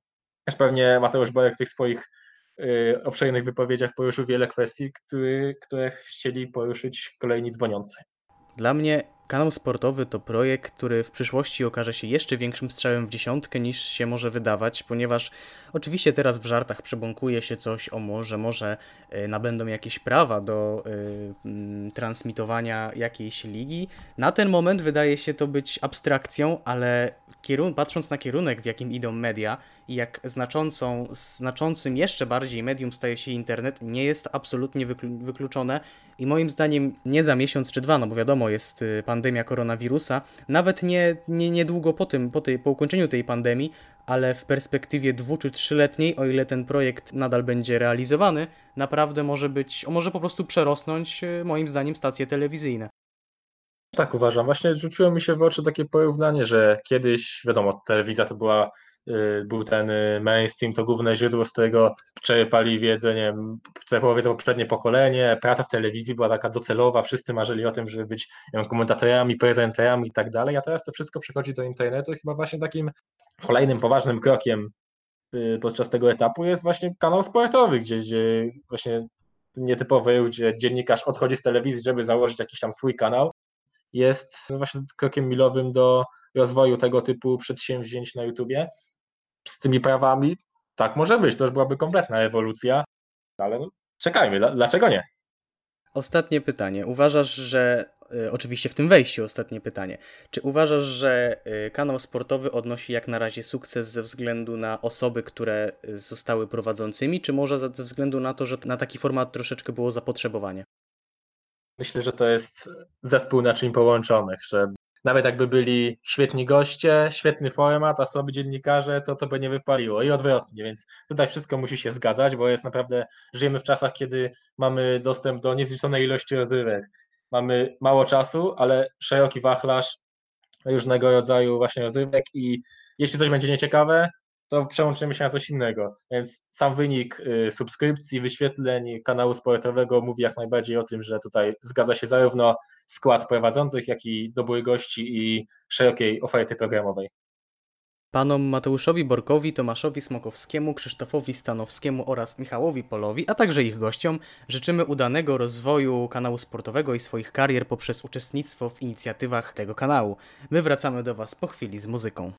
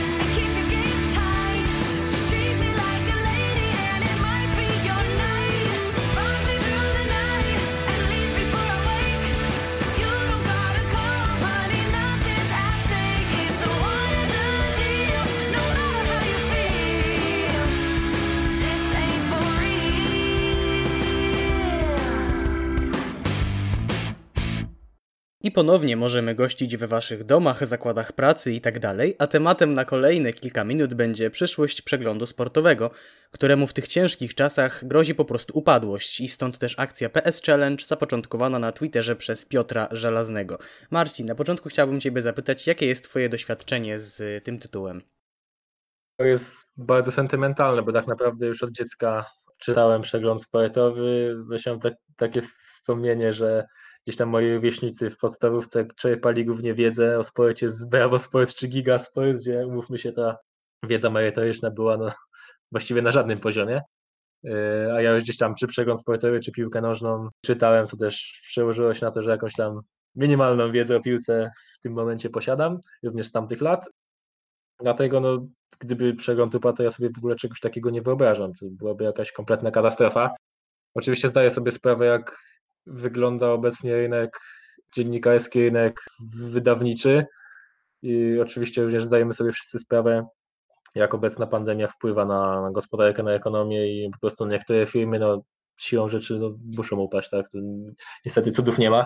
Natomiast no, módlmy się, żeby to nie był przegląd sportowy, bo ty, tyle lat tradycji, bardzo rzetelnej, merytorycznej dziennikarki, więc no, naprawdę to byłaby jakaś kompletna katastrofa dla dziennikarstwa sportowego w Polsce.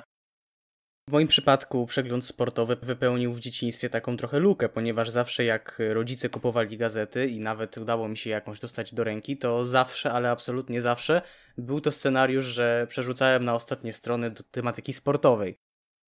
Dokładnie, u mnie było identycznie i zawsze gdzieś tam szukałem tego sportu, a wiadomo, nagle, nagle się dowiedziałem, że jest taka gazeta, gdzie wszędzie jest sport. To było dla mnie w ogóle bardzo, bardzo pozytywne zaskoczenie.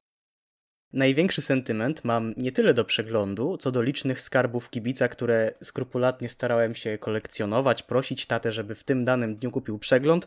Wydawane były one wraz ze startem lig czy różnych turniejów. Nawet y, zajrzałem tuż przed rozmową do e, swojej szufladki.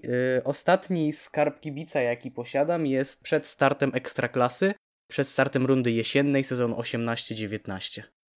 Masz rację, wiesz co, tych skarbów kibica człowiek nagromadził tyle, że ja ostatnio właśnie w październiku miałem przeprowadzkę i jak te wszystkie gazety gdzieś tam sobie ściągałem, to były tego no tony wręcz. Dlatego no mówię, no, gdy, gdyby coś tutaj się z, przeglądem sportowym zadziało niefajnego, no był to absolutny dramat. Duża jakość dziennikarska w przestrzeni lat. Wiemy, że ostatnio w przeglądzie sportowym były zmiany personalne, nie mnie oceniać czy na, na dobre, czy, czy, też, czy też na złe. Natomiast gdyby kolejne takie trzęsienie ziemi już dużo poważniejsze, bardziej chodzi o tutaj o względy ekonomiczne i strukturalne, no to naprawdę mo- mogłoby być słabo. Sama akcja polega na wykupywaniu numeru gazety poprzez aplikację mobilną. Czy sądzisz, że może, może taka działalność w jakiś sposób zrekompensować straty wywołane no, po prostu niekupowaniem wersji papierowych? Aż tak rynku nie znam, w jakim, w jakim to procencie jakby te straty zniweluje. No, na pewno w obecnej sytuacji, w jakiej się znaleźliśmy, na pewno jest to najlepsza możliwa opcja, bo po pierwsze, to gazet w obecnych czasach kupuje się zdecydowanie mniej niż kiedyś. Też dzięki możliwościom, które da, daje nam internet i te właśnie płatne subskrypcje, wykupywanie e-wydań. Po drugie, no, nie możemy wychodzić za bardzo z domu, więc nawet udanie się do kiosku może być dla wielu osób trudne, niemożliwe. Więc jak najbardziej taka akcja jest na plus i no, jedyną właśnie opcją, aby podreperować budżet firmy. W dobie internetu, gdzie wszystkie informacje ukazują się najszybciej właśnie tam, szczególnie prasie codziennej, prasie pisanej, jest y, trudno było się przebić, a do tego teraz jeszcze jest epidemia koronawirusa. Y, Sądzisz, że przegląd y, utrzyma się na rynku? Myślisz, że ta cała inicjatywa, no głównie kubik kibiców, nie ma tutaj co ukrywać, z samego przeglądu y, nie było żadnego, żadnej inicjatywy, ponieważ Piotr Żelazny rozpoczął ją, kiedy już przestał pracować w przeglądzie. Uważasz, że uda się utrzymać ten tytuł? Taką ogromną nadzieję. Czy musimy, musimy też zwrócić uwagę na fakt, że w obecnych czasach jest masa konkurencyjnych wydań. Ostatnio na rynku pojawił się kolejny duży gracz, czyli Nuance Sports i strona internetowa, która dostarcza naprawdę bardzo fachowych, y, rzetelnych artykułów. Sporo jest treści również zagranicznych. To też nie są lata 90., gdzie większość Polaków angielskiego nie znała, bądź znała go w stopniu minimalnym. Teraz można mieć na wyciągnięcia ręki zagraniczne jakieś wydania. No, mamy stronę chociażby The Athletic, gdzie za płatną subskrypcję mamy multum fantastycznych treści, więc jeśli chodzi o rywalizację gdzieś tam na rynku, jeśli chodzi o internet, no to pamiętajmy, że to nie tylko polskie wydania. Więc pod tym względem tej konkurencyjności, no na pewno będzie to duże wyzwanie dla przeglądu, natomiast na obecne czasy też więcej będzie można na pewno powiedzieć, gdy ta pandemia wygaśnie i będą pewnie jakieś podsumowania, raporty, sprawozdania finansowe, wtedy będziemy mądrzejsi. Obecnie no, mam wielką nadzieję, że ta akcja przełoży się na zwiększenie kupna gazet. Przełożyła się na pewno, jeśli chodzi o jedną osobę, czyli mnie. Staram się gdzieś tam codziennie, jeśli nie codziennie, to co kilka dni nowe wydanie pozyskać. Mi się też wydaje, że cała ta sprawa z koronawirusem może po prostu przyspieszyć transfer mediów, yy, jeśli chodzi o prasę, do internetu, ponieważ już na przykład Gazeta Wyborcza ma płatne artykuły, że trzeba wykupić subskrypcję, subskrypcję, aby móc je dalej czytać. Wydaje mi się, że właśnie to może być przyszłość przeglądu sportowego, chociaż z drugiej strony wystarczy się zastanowić, że przecież dostęp do tej samej wiedzy mamy za darmo tak naprawdę z innych źródeł, więc to mogłoby być dobre rozwiązanie, ale chyba tylko dla osób, które naprawdę są takimi fanatykami przeglądu. Tak, masz rację i też zwróćmy uwagę na to, że materiały, które ukazywały się w papierowych wydaniach, często po parę godzinach lądują już na stronie. Więc generalnie po co kupować coś, co mamy za darmo w wersji elektronicznej? Tutaj też przeglądacze nie pomyślę, powinno być jakieś ograniczenie, że pojawia się w numerze, nie pojawia się na stronie. Bo tutaj sam jakby, można powiedzieć, kopie swój własny grób, bo wiele osób wychodzi z założenia, że niepotrzebnie wydawać pieniądze. Mówiło się też sporo, gdzieś tam słyszałem takie opinie, że może przegląd przejdzie na tygodnik, zmieni właśnie swoją formułę. Czy byłoby takie rozwiązanie? Myślę, że przegląd jest raczej utożsamiany głównie z tymi codziennymi informacjami. Ciężko się będzie przyzwyczaić do, do takich, takiej formy. Może jakieś też wydawnictwa poboczne, gdzieś tam przegląd wydaje jakieś swoje książki, były, były fajne reportaże, może jakieś wydania też regu- regularniejsze tych reportaży. Kto wie, pewnie jak, kilka nowych koncepcji całkiem niedługo się pojawi. Nie ma co ukrywać, że przegląd y, sportowy to jest ogromna wartość historyczna, zarówno dla polskiego sportu, jak i dla polskich mediów.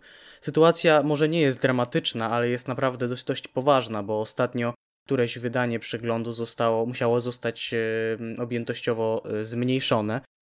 To też tym bardziej wszystkich kibiców zachęcamy serdecznie do wzięcia udziału w akcji PS Challenge. Niedługo wracamy, więc daleko nie odchodźcie.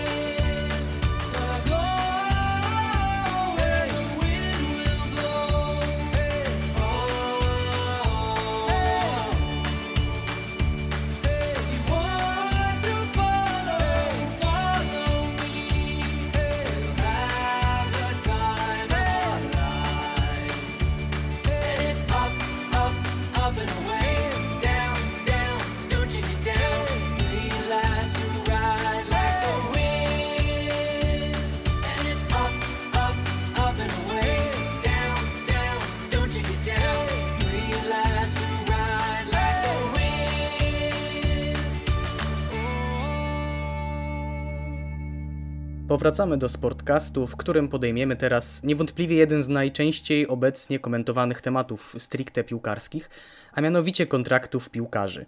Nad futbolem pod względem biznesowym zawisły naprawdę czarne chmury, stąd też piłkarze, czy to z własnej woli, czy po konsultacji z klubami, decydują się od, odstępować z części swoich zarobków, jednakże nie wszyscy robią to tak chętnie. Marcin, y, jak wygląda ta sytuacja w Premier League, bo z tą ligą jesteś, wydaje mi się, najbardziej zaznajomiony. Słyszałem opinię, że jeśli e, sezon zostanie zakończony w obecnym kształcie, na podstawie obecnego wyglądu tabeli, no to straty dla ligi będą wynosiły chyba 762 miliony funtów. To są jakieś niewyobrażalne pieniądze i pomimo tego, że liga angielska jest najbogatsza, te dochody z różnojakich źródeł są naprawdę gigantyczne, no to jednak to zostanie ogromny ślad, ogromna, ogromna wyrwa y, na tej lidze, jeśli rozgrywki zostaną dokończone. Jeśli chodzi o samo obcięcie pensji, już niezależnie czy to jest liga angielska, czy jakakolwiek inna, no to myślę, że jest to absolutnie nieuniknione. Każdy z nas znalazł się w jakiejś trudnej sytuacji. Każdego z nas ta pandemia dotyczy nie tylko ze względów zdrowotnych, ale właśnie ekonomicznych. My na przykład jako studenci mamy zdalne nauczanie, więc musimy się też dostosować do innej sytuacji. Branża gastronomiczna jest w dużych tarapatach, bo wiadomo, knajpy, wszelkiego rodzaju restauracje są zamknięte, y, a samo pieniądze uzyskane z dowozu jedzenia nie nie zapełnią tej luki stałych bywalców tego typu lokali. Tak samo jest w piłce nożnej. Jeśli rozgrywki są zawieszone, nie grają, to wiadomo, że trzeba się do tej sytuacji jakoś przystosować i te dochody piłkarzy muszą się odpowiednio zmniejszyć, żeby kluby przetrwały. Na- Najgorsze byłoby tutaj to, że żeby obcinać pensje nie wiem, innym pracownikom, czy zwalniać ich czasowo, to byłby jakiś kompletny absurd. Bo ja, ja jako piłkarz na przykład zarabiający grube miliony, czułbym się fatalnie z tym, że na przykład pensja jest obcinana nie wiem, w takim samym stopniu zarówno mi, jak i wiem, sprzątaczce, kucharzowi. To byłby jakiś absurd, bo trzeba patrzeć na kwotę, y, którą zarabiają dane osoby w klubu. Bo Jeśli wiem, piłkarz y, powiedzmy wiem, Liverpoolu, Barcelony będzie miał pensję niższą o 20-30%, to podejrzewam, że nic się wielkiego nie stanie. A właśnie wspomniana sprzątaczka może mieć tutaj problem, żeby wyżywić rodzinę i to, to jest główny problem. Więc cięcia absolutnie muszą być, nie ma co do tego wątpliwości. Trzeba się w tej sytuacji niewątpliwie trudnej, ale no trzeba się w niej jakoś odnaleźć i przystosować do obecnych realiów. No i w sumie tyle. No, ciężko się nad tym jakoś rozwodzić, bo mówię, nie widzę jakiejś innej opcji. Jeśli futbol ma przetrwać w miarę podobnym kształcie, jaki obserwowaliśmy do czasu wybuchu tej pandemii, to trzeba podjąć jakieś kroki. Jednym z nich na pewno jest obcięcie pensji. To tak może nieco w kontrze do tego, co powiedziałeś. E, Chciałbym zwrócić uwagę na to, że kariera piłkarza przy dobrych wiatrach trwa jakieś 20, może 20 parę lat, ale akurat w tym przypadku trzeba być Gigi Buffonem. Przez ten cały okres zawodnicy skupiają się na grze i raczej, raczej się dodatkowo nie kształcą. Oczywiście zdarzają się wyjątki. Oczywiście po zawieszeniu butów na kołku y, muszą raczej utrzymać się z tego, co zarobili. Niektórzy oczywiście odnajdują się po swojej karierze w studiach sportowych, inni w reklamach, ale mówimy tu raczej o małej grupce. No i teraz y, co w sytuacji, kiedy taki zawodnik musiałby zejść ze swoich zarobków, a przypomnijmy, że przykładowo zawodnik powiedzmy y, takiej, nie wiem, Stali Rzeszów, y, Widzewa Łódź, to nie są zawodnicy, którzy zarabiają nie wiadomo ile, biorąc pod uwagę, porównując z innymi ligami europejskimi, no i ci zawodnicy mogą akurat trochę odczuć, może nie teraz, ale w dalszej przyszłości. Więc to według mnie to jest kwestia też bardzo indywidualna podejścia danego zawodnika. No bo zobacz, wie- wielcy zawodnicy zarabiają gigantyczne pieniądze, a też czasem słyszysz, że nie mają nagle pieniędzy, zbankrutowali. No najskrawszym przykładem jest chociażby Ronaldinho, tak? Jeśli ktoś jest inteligentną osobą, to wie, a zarabia, nie wiem, powiedzmy 10 tysięcy miesięcznie, no to nie będę kupował sobie siedmiu samochodów, bo mnie na to najzwyczajniej w świecie nie stać, więc moim zdaniem takie same jakby problemy dotyczą również w świecie bez pandemii. Też piłkarze mm, nie mają nagle pieniędzy na, na życie i orientują się, aha, no może ten, te cztery samochody nie były mi jednak potrzebne. Więc tutaj kwestia indywidualna. Jeśli ktoś jest inteligentną osobą, zdającą sobie sprawę, ile zarabia i na to sobie może pozwolić, nie tyle odkłada pieniądze, to po prostu żyje tak, żeby nagle, gdyby coś się stało, to gdyby gdy zakończę karierę, czy właśnie na wypadek, no oczywiście ciężko było się przygotować na pandemię, ale no zakładałem, że coś się może negatywnego stać, to te pieniądze na tak zwaną czarną godzinę gdzieś tam się znajdują i też nagle jakość życia takiemu zawodnikowi drastycznie nie spada. Niektóre kluby są w tak beznadziejnej sytuacji, że albo ich piłkarze zejdą z wynagrodzeń, albo po prostu klub przestanie istnieć. Wiemy już, że upadłość ogłosiła słowacka Żylina. E, W Bundeslidze jedną trzecia, jedna trzecia zespołów z pierwszej i drugiej ligi jest e, zagrożona również upadłością, a jak wiemy co do umów z zawodnikami, UEFA pozostawiła klubom wolną rękę. Czy właśnie w takich chwilach to ta organizacja nie powinna wyjść z odpowiednimi inicjatywami? To byłoby na pewno wskazane. Brakuje właśnie takiego ujednolicenia, że mamy gdzieś tam tutaj głosy, a we Włoszech zaczniemy sezon tutaj, tu obetniemy pensję tak, w Niemczech będzie to inaczej, w Anglii jeszcze inaczej. Właśnie brakuje takiego jednego y, głosu, który powinien moim zdaniem wyjść właśnie od UEFA. Właśnie z tymi kontraktami to jest naprawdę coś nieprawdopodobnego. Ciężko w ogóle sobie wyobrazić, jak to będzie wyglądać, no bo jeśli piłkarzowi kończy się kontrakt powiedzmy raz 30 czerwca tego roku, a zrywki będą kontynuowane powiedzmy w lipcu, co z takim zawodnikiem zrobić? Na przykład jeśli mamy sytuację, gdzie klub jest zobligowany do wykupienia danego zawodnika za powiedzmy 20 milionów euro i jest to w kontrakcie, że jest ta, ten obowiązek wykupu, no ale nagle tych pieniędzy nie ma, albo trzeba je przeznaczyć na coś innego, to czy musi wykupić? Jak, jak to w ogóle wygląda? Ciężko sobie w ogóle teraz wyobrazić, jak, jak ta sytuacja po wygaśnięciu pandemii będzie wyglądać. To jest, to jest naprawdę duża zagadka.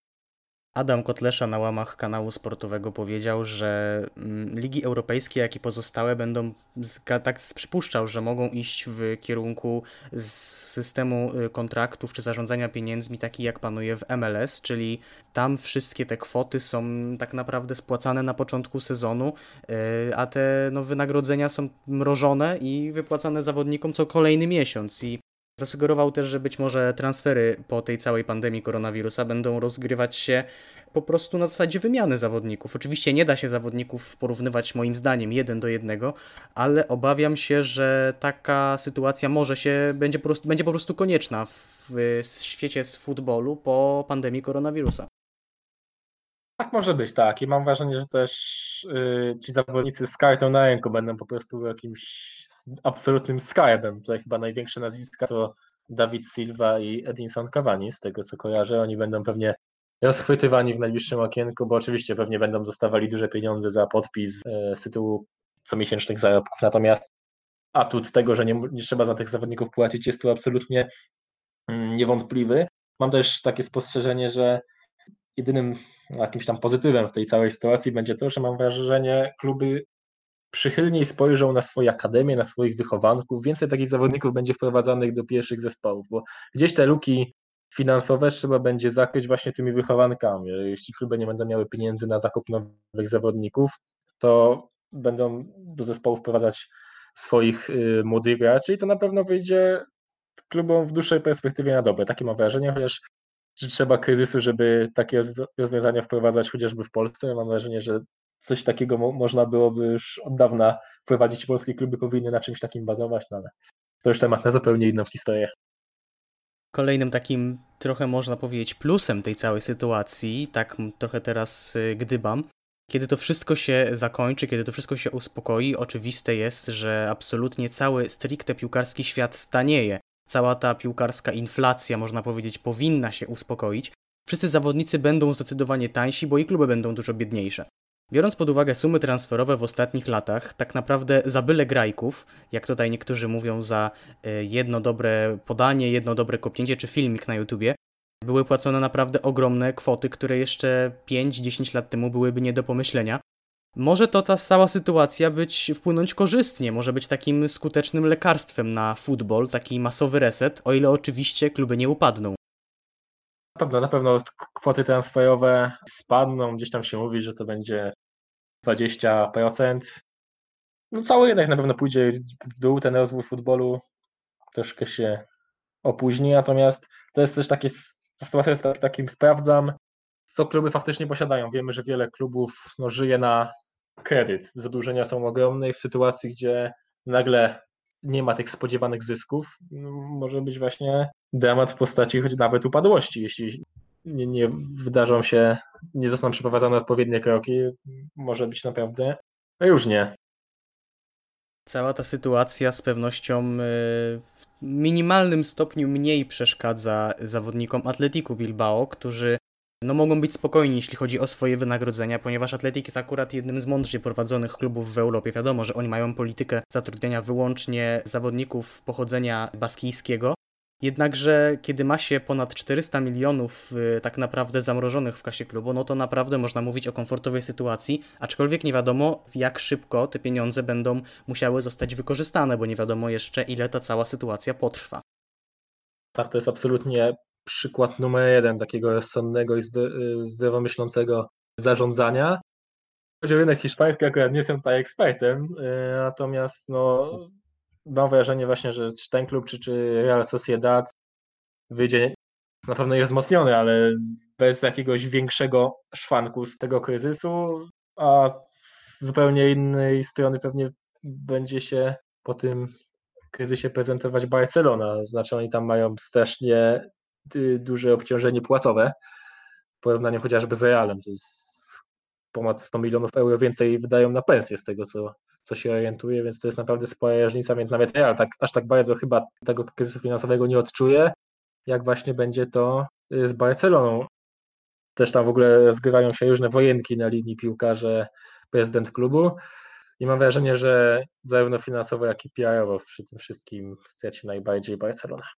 Sytuacja jest naprawdę dynamiczna, stąd też w tym momencie myślę dobrze byłoby postawić kropkę, ale niewykluczone, że ten temat powróci w przyszłych wydaniach Sportcastu. Wracamy tuż po przerwie muzycznej.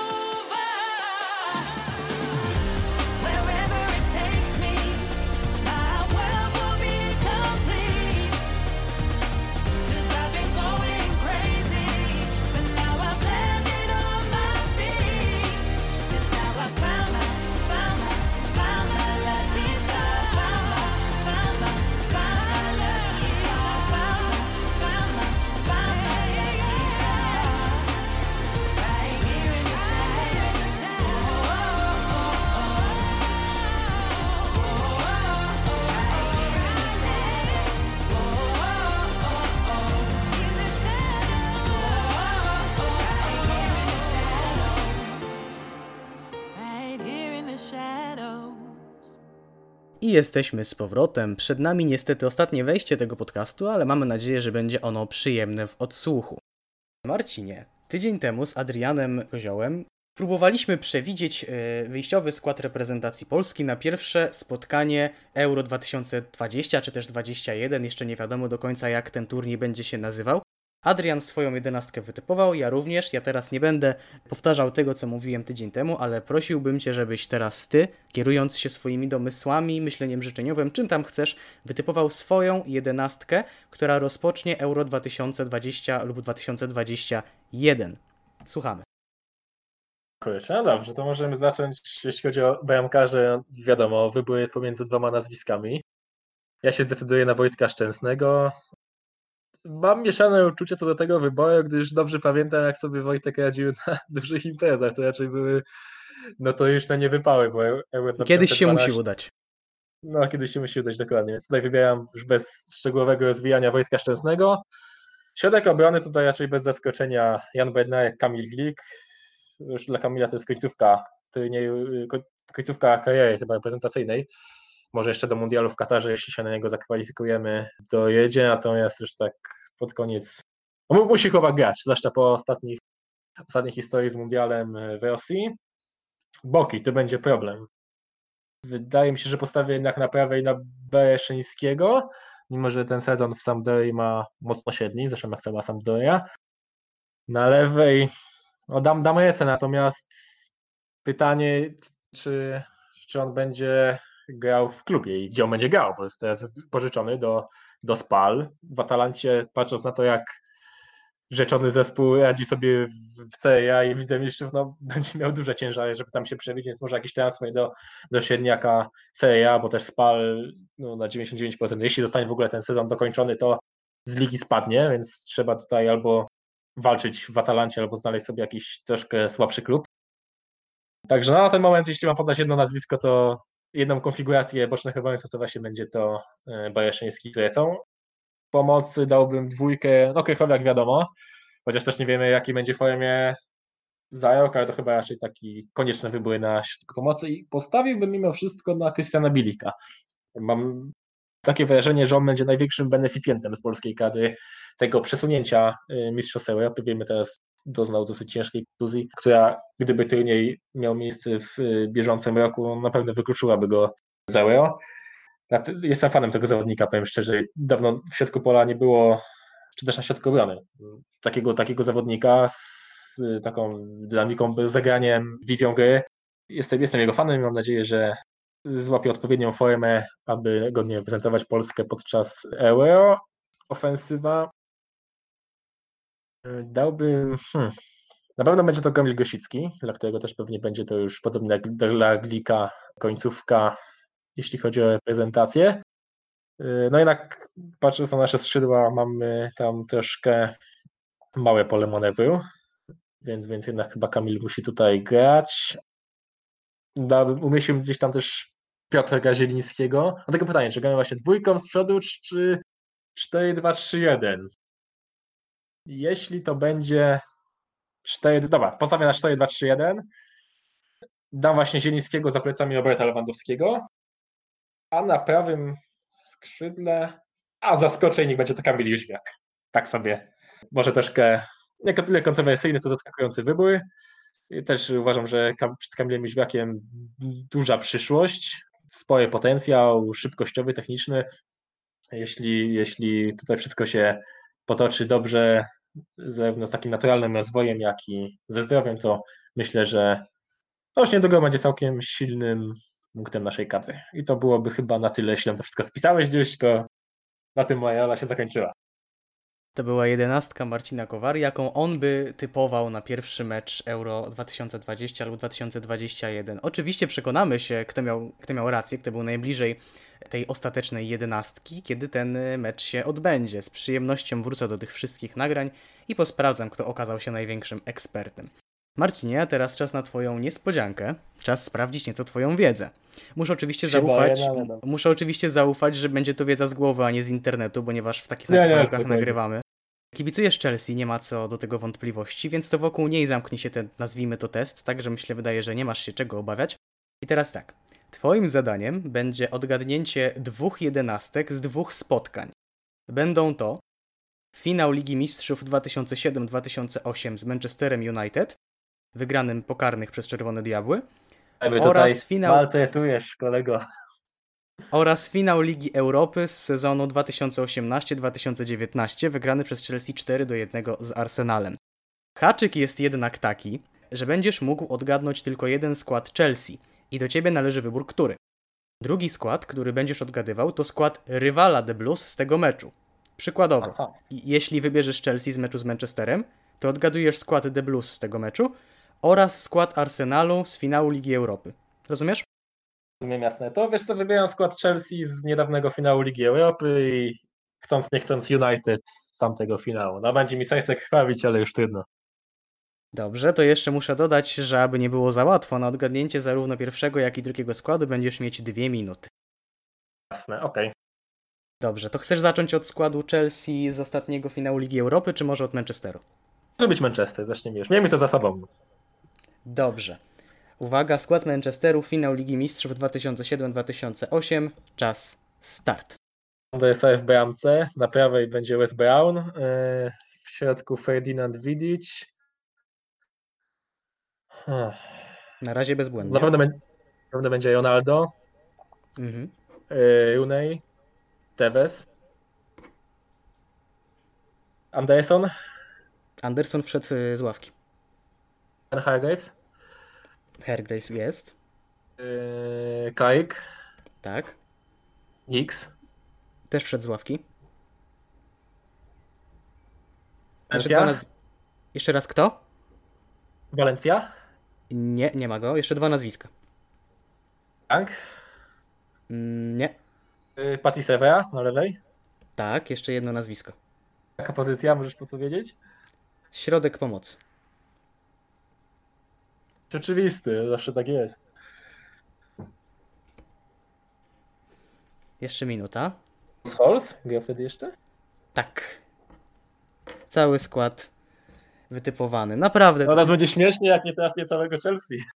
Powiem ci, że e, tydzień temu, kiedy miałem audycję z Adrianem, wyszedłem z taką propozycją, że kurde, powinienem chyba dać minutę na każdy skład, bo poradził sobie za łatwo. Ty byś przekroczył o 4 sekundy, ale też nie, nie, nie idealnie zatrzymałem czas, więc no, powiem ci, jak na skład rywala, całkiem dobrze. Myślę, że powinieneś poradzić sobie z aktualnym składem Chelsea zdecydowanie lepiej.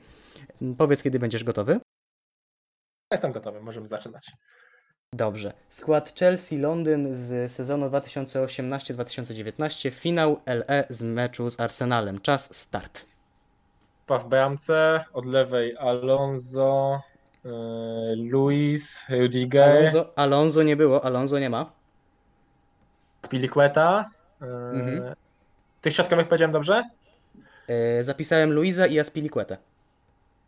Rudiger, Nie. Tensen, Tak. Tyson na lewej w takim razie. Tak. Obrona z głowy. Kante Kowac, nie, Kante Jorginho chyba. W środku Tak. pomocy. Pedro, Hazard, Tak. Tak. Żył na szpicy na pewno. Jedno nazwisko. Lian, Wszedł z ławki.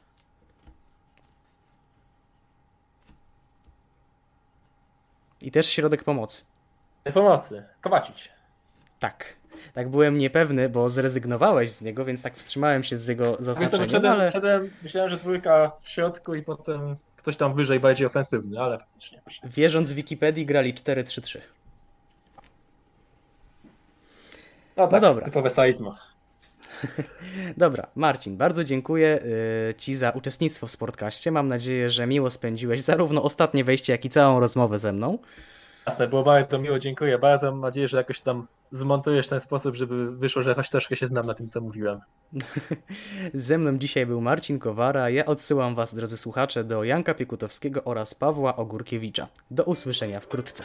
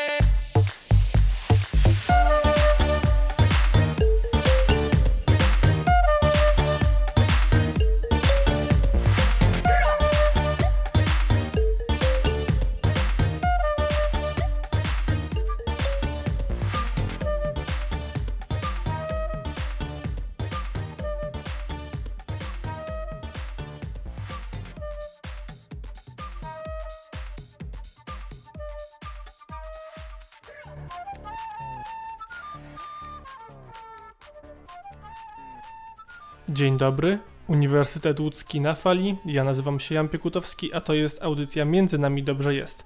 Dzisiaj niestety w okrojonym składzie, gdyż Pawła nie będzie ze względów technicznych. Spokojnie, nic wielkiego mu nie grozi, nic wielkiego mu się nie stało. Prawdopodobnie usłyszymy się z nim już za tydzień, no a w tym tygodniu będziecie skazani tylko i wyłącznie na mnie. Mam nadzieję, że jakoś to przeżyjecie, tym bardziej, że ta audycja będzie krótsza niż nasze zwyczajowe Między nami dobrze jest i w ogóle dzisiaj będzie troszeczkę inny format, gdyż samemu nie udźwignąłbym podsumowania roku 2018, w związku z czym postanowiłem, że dzisiaj troszeczkę porozmawiamy o literaturze, a konkretnie o amerykańskim pisarzu Erneście Hemingwayu, a dlaczego akurat o tym artyście i dlaczego akurat właśnie jego wybrałem, dowiecie się za jakiś czas, bowiem postanowiłem, że to będzie dość poszatkowana audycja, żeby niespecjalnie zamęczać Was y, moim głosem, w związku z czym już teraz piosenka, no a potem przechodzimy do meritum tej audycji.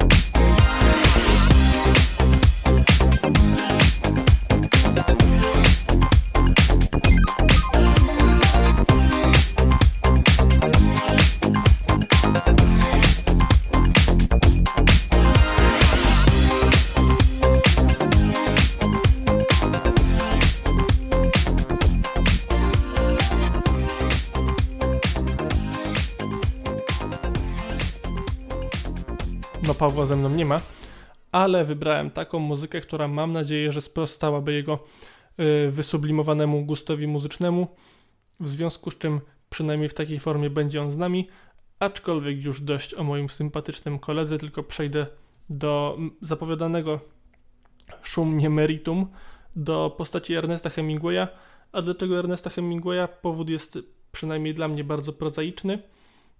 Wczoraj skończyłem czytać jego powieść Komu bije dzwon i jestem pod y, tyle silnym wrażeniem, że postanowiłem podzielić się z wami nie tylko wrażeniami odnośnie tej książki, ale generalnie historią życia Ernesta Hemingwaya. Wypada więc zacząć od początku, czyli od roku 1899, 1899 kiedy to Hemingway przyszedł na świat i w tym samym roku Ernest Hemingway jak wszyscy wiemy, przyjął chrzest. Dostał tam właśnie swoje imię Ernest, ale jego rodzicami nie kierowały żadne specjalne mm, moce.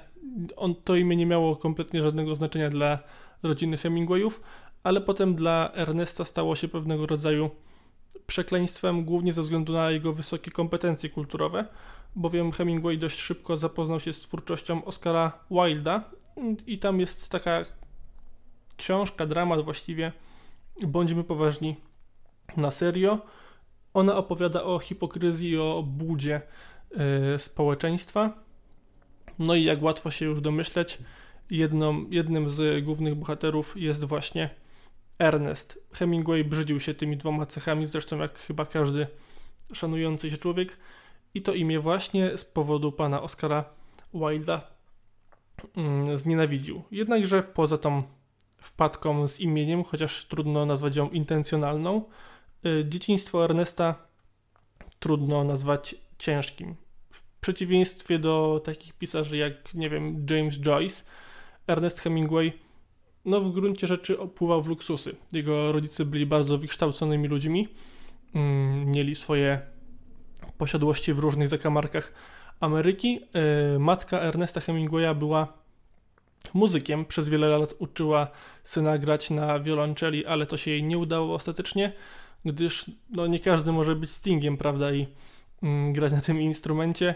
Ernest Hemingway porzucił mm, naukę gry, aczkolwiek, jak sam potem przyznawał, bardzo ona mocno przydała mu się w przyszłości przy pisaniu książek. Jednakże swoją matkę Hemingway nie wspominał nigdy w dość ciepły sposób, właśnie ze względu na jej upór i wręcz takie przymuszanie syna do gry na wspomnianej wiolonczeli. Coś jednak oczywiście jej zawdzięcza, o czym przekonamy się później. Jednakże jeszcze więcej zawdzięcza swojemu ojcu tak naprawdę, który zaszczepił w nim taką mm, naturę awanturnika, bowiem tak właśnie określało się y, ludzi oznaczających się określonymi cechami charakteru w tamtym czasie. A jakie to były cechy charakteru? Ano porywczość, ano awanturniczość, ano zamiłowanie do przygód. I nie chcę powiedzieć, że hulaszczy tryb życia, ale sam fakt, że Hemingway miał kilka żon już trochę mówi nam o jego usposobieniu i o tym, że był człowiekiem dość porywczym. Oczywiście o tej porywczości będzie jeszcze więcej, zważywszy na dalsze losy Ernesta y, Hemingwaya. Jednakże w każdym razie, kiedy Ernest Hemingway miał 19 lat, a więc w roku 1918, w związku z tym, że przez lata jeździł z ojcem na polowania, na obozowiska, na połowy ryb, właściwie w domu przebywał marginalnie, można by rzec, głównie spędzając czas poza nim, głównie spędzając czas na takich typowych, twardych, męskich rozrywkach. Ernest Hemingway, kiedy miał 19 lat, wyjechał na front, służyć tam z ramienia Czerwonego Krzyża. To była końcówka I wojny światowej. Hemingway miał 19 lat, więc postanowił nie siedzieć w domu tylko po raz pierwszy, udać się do Europy i takim sposobem Ernest Hemingway trafił do Włoch. O jego włoskich przygodach i o dalszej karierze, jeżeli chodzi o różne fronty różnych wojen, powiem Wam po krótkiej przerwie.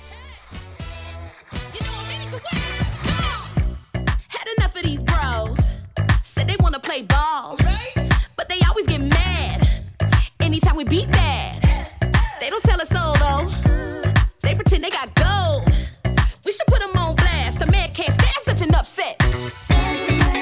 Your window's closing. You notice I. You never lose so bad. Hey. You should expect it. You know I'm coming up. I'm coming up.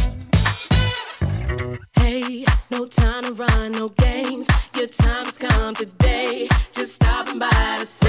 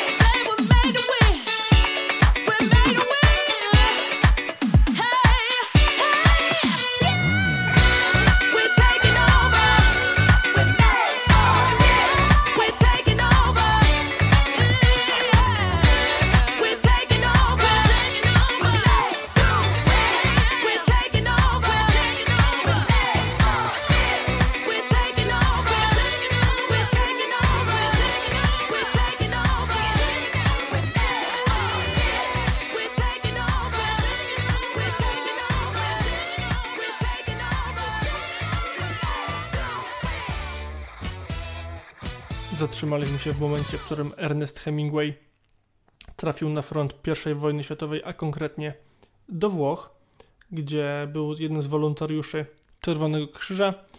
I w tym momencie właściwie rozpoczyna się kariera Ernesta Hemingwaya nie jako pisarza, ale Ernesta Hemingwaya w roli Terminatora. Tak, tylko, że nie takiego z y, filmów z Arnoldem Schwarzeneggerem, ale Terminatora naprawdę z krwi i kości.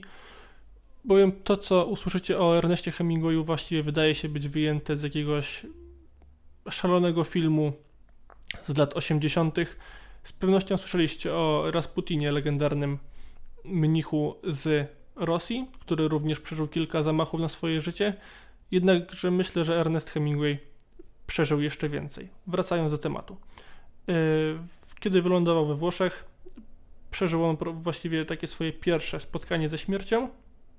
Konkretnie jego stanowisko było ostrzeliwane y, z działa moździerzowego. No jak nie trudno się domyśleć, Hemingway nie mógł z tego wyjść cało, został ciężko ranny, jednakże jak sam po latach przyznawał, przyznawał z właściwą sobie swadą, większe obrażenia odniósł nie po tym, kiedy jego ciało przeszły kule i odłamki, ale w momencie, kiedy został odrzucony przez jedną z włoskich sanitariuszek zajmujących się nim podczas pobytu w włoskim szpitalu.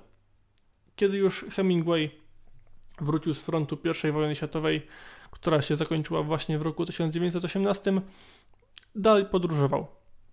Zwiedzał Europę, przebywał również oczywiście w Ameryce, jednakże poznawał bardzo ciekawych ludzi i to właściwie jest kolejny z elementów, które kształtowały Ernesta Hemingwaya jako człowieka, który potem zyskał renomę właściwie obywatela świata. Znano go niemal na każdym kontynencie. W każdym razie Ernest Hemingway w późniejszych latach a to sobie poznawał takiego malarza jak Pablo Picasso, a to takiego pisarza jak John Steinbeck, a to znowu był na froncie.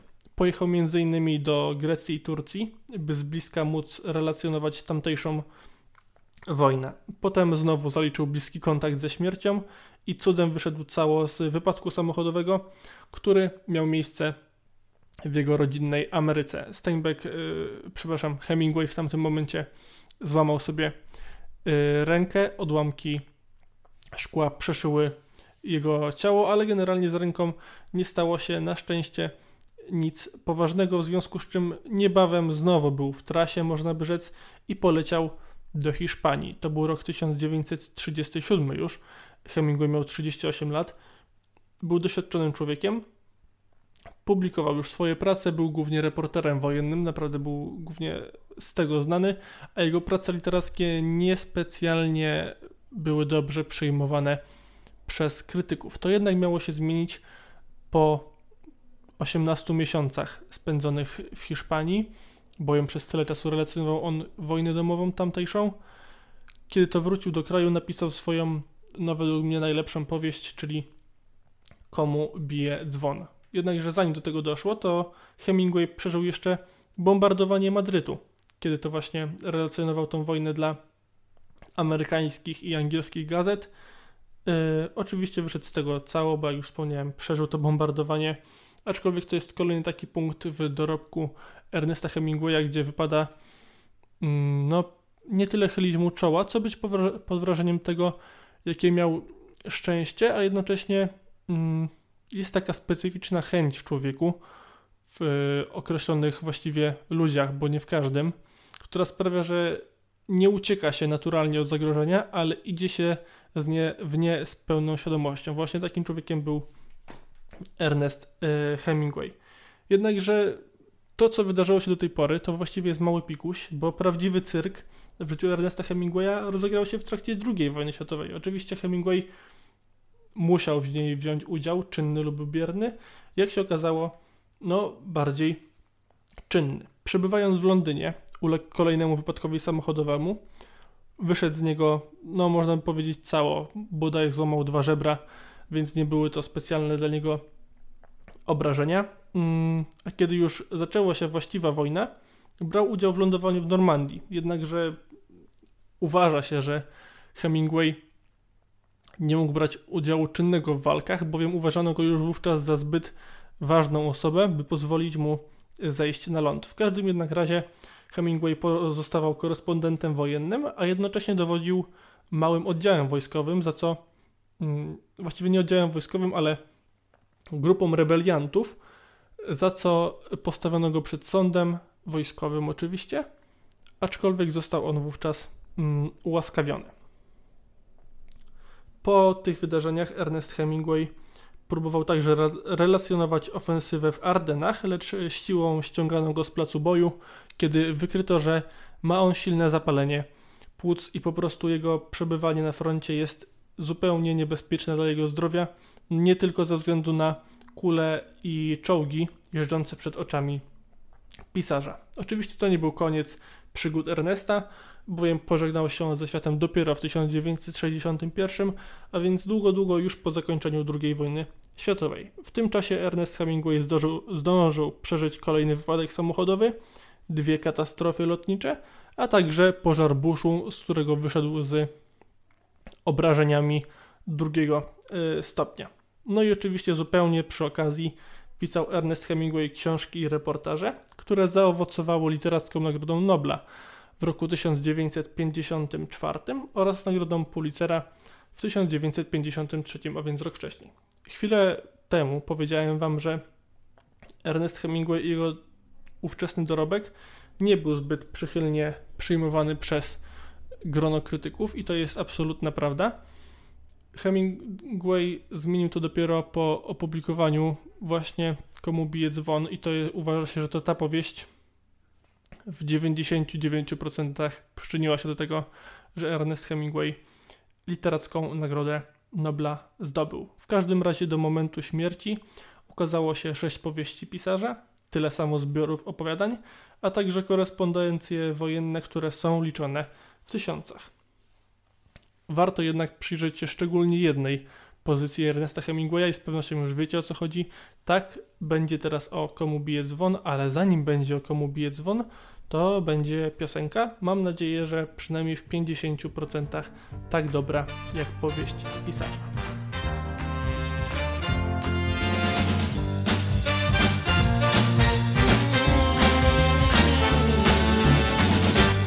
I do recognize the pain. It's too awfully bad.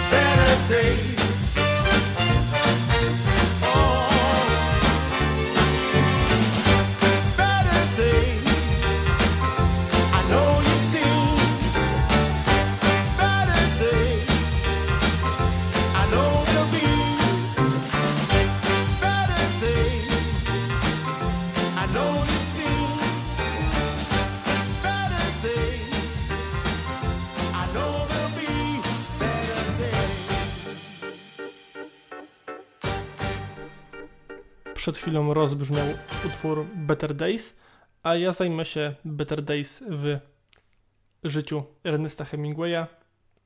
Pisarz ten w latach 30. przebywał we wspomnianej już Hiszpanii, gdzie oczywiście relacjonował przebieg tamtejszej wojny domowej. Efektem jego prac i doświadczeń jest nie tylko korespondencja z linii frontu, lecz także powieść Komu bije dzwon, powieść, którą wielu traktuje także jako reportaż. O czym ona opowiada? No, Komu bije dzwon jest powieścią wywodzącą się w sposób bezpośredni z doświadczeń Ernesta Hemingwaya, który wiele rzeczy, które są opisane w, na kartach powieści, widział na własne oczy i też sporo z nich po prostu przeżył nie w roli obserwatora, ale w roli uczestnika. Nie będę mówił o jakie konkretnie rzeczy chodzi, gdyż to nie jest celem. Celem jest opowiedzenie troszeczkę przynajmniej fabuły bez zdradzania szczegółów.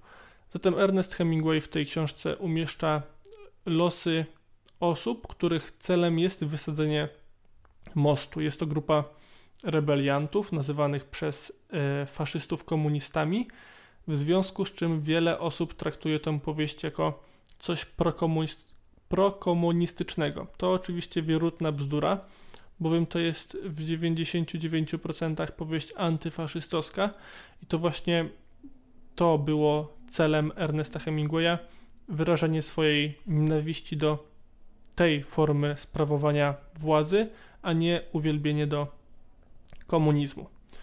Wracając jednak do głównej akcji utworu, rozgrywa się ona na przestrzeni zaledwie trzech dni i opowiada historię grupy osób, których celem jest wysadzenie mostu. Jednakże to, co zasługuje na uwagę w tej powieści, to fakt, że ona nie jest zbudowana jednotorowo. To znaczy, poznajemy opowieści nie tylko osób, które stoją po stronie rebeliantów i po osób, których zadaniem jest y, wysadzić ten most i które walczą z siłami faszystowskimi, ale poznajemy tę historię również ze strony tych teoretycznie złych, w związku z czym jest ona bezstronna. Co jeszcze się składa na fabułę, to oczywiście relacje, w które wchodzą bohaterowie, relacje z pozostałymi członkami grupy. Głównym narratorem powieści jest Robert y, Jordan, jest on Anglikiem, który przybył do Hiszpanii właśnie w celu uczestniczenia w tamtejszej wojnie domowej. Generalnie na kartach powieści przewija się parę postaci, które są quasi-historycznymi, to znaczy ich imiona i nazwiska zostały zmienione na potrzeby powieści, ale ukrywają się za nimi realne postaci, ale to już jest do, do czytania na kartach powieści i do własnego rozwikłania, o kogo tak naprawdę Ernestowi Hemingwayowi chodziło. Tak jak wspominałem, powieść rozgrywa się przez trzy dni, jednak jest podzielona na różne ugrupowania i na różnych bohaterów, przez co jest dość sporo objętościowo. No i też dużą rolę w tej powieści odgrywają retrospekcje, które pozwalają nam unaocznić sobie to, w jaki sposób zmienia się podejście człowieka do wojny. I tutaj mamy takie historie jak tą, którą opowiada e, Robertowi Jordanowi Pilar. Swoją drogą y, to jest też imię łodzi, którą Ernest Hemingway podróżował w e, trakcie swojego życia i też imię jednej z głównych bohaterek powieści Komu bije dzwon. Pilar opowiada jedną z najbardziej poruszających historii tak naprawdę na kartach całej powieści. Jest to opowieść o odbijaniu miasta z rąk faszystów i o tym, jak ci faszyści byli mordowani przez, przez nią i przez jej popleczników. Oczywiście Pilar nie brała bezpośredniego udziału w tym mordzie, ale miała generalny ogląd na tą sprawę, będąc po prostu uczestnikiem tych wydarzeń, no i jednak w pewien sposób doprowadzając do zdobycia miasta. Dlaczego ta powieść może być reportażem? Ano właśnie z tego względu, że pojawiają się postacie historyczne, chociaż w sposób niedosłowny, a także z względu kolejnego, mianowicie, o którym też już wspominałem, są tutaj przedstawione poglądy różnych stron. Więc to nie jest powieść ukierunkowana jednotorowo i nakazująca myśleć w ten określony sposób, chociaż oczywiście Hemingway daje wyraz temu, co on o tym sądzi, aczkolwiek czytelnik może w sposób własny zinterpretować różne sytuacje, wzbogacając oczywiście swoje osądy o określoną wiedzę historyczną. Język, jakim mówi ta powieść, jest też dość ciekawy, bowiem no, została napisana po roku 1938, więc jest powieścią absolutnie dwudziestowieczną, ale wychodzi z takiego założenia, że człowiek nie powinien mówić językiem literackim, ale człowiek na kartach powieści oczywiście powinien mówić językiem jak najbardziej ludzkim, pełnokrwistym. W związku z tym Ernest Hemingway powieść tą przepełnił tak naprawdę mm, rozmaitymi wulgaryzmami i jest też bardzo dużo wstawek z języka hiszpańskiego. Oczywiście one są tam wytłumaczone. Na przykład mamy słowo po hiszpańsku, a potem jest przecinek i już to słowo przetłumaczone na właściwy język. Nie traktowałbym zatem powieści Komu bije dzwon jako sposobu do na, nauki hiszpańskiego, no chyba, że ktoś chce pouczyć się trochę hiszpańskich przekleństw, to nie powinien mieć wtedy najmniejszego problemu. Generalnie tą książkę polecam również maturzystom. Zdaję sobie sprawę, że większość z nich nas nie słucha siłą rzeczy, gdyż jest to audycja studencka. Jednakże jeżeli ktoś, nie wiem, by tą maturę chciał poprawiać, albo ma rodzeństwo, które zdaje tą maturę, to absolutnie polecam powieść Komu bije dzwon, bo to oczywiście jest książka bardzo dobra, także porusza absolutnie masę, masę, masę motywów, które myślę, że w szczególności przydadzą się na maturze rozszerzonej z języka polskiego, bo mamy tam śmierć, mamy kobietę, mamy mężczyznę, mamy motyw wojny, motyw ucieczki, motyw fatum tak naprawdę ciążącego nad głównymi bohaterami, a także motyw emigranta właściwie.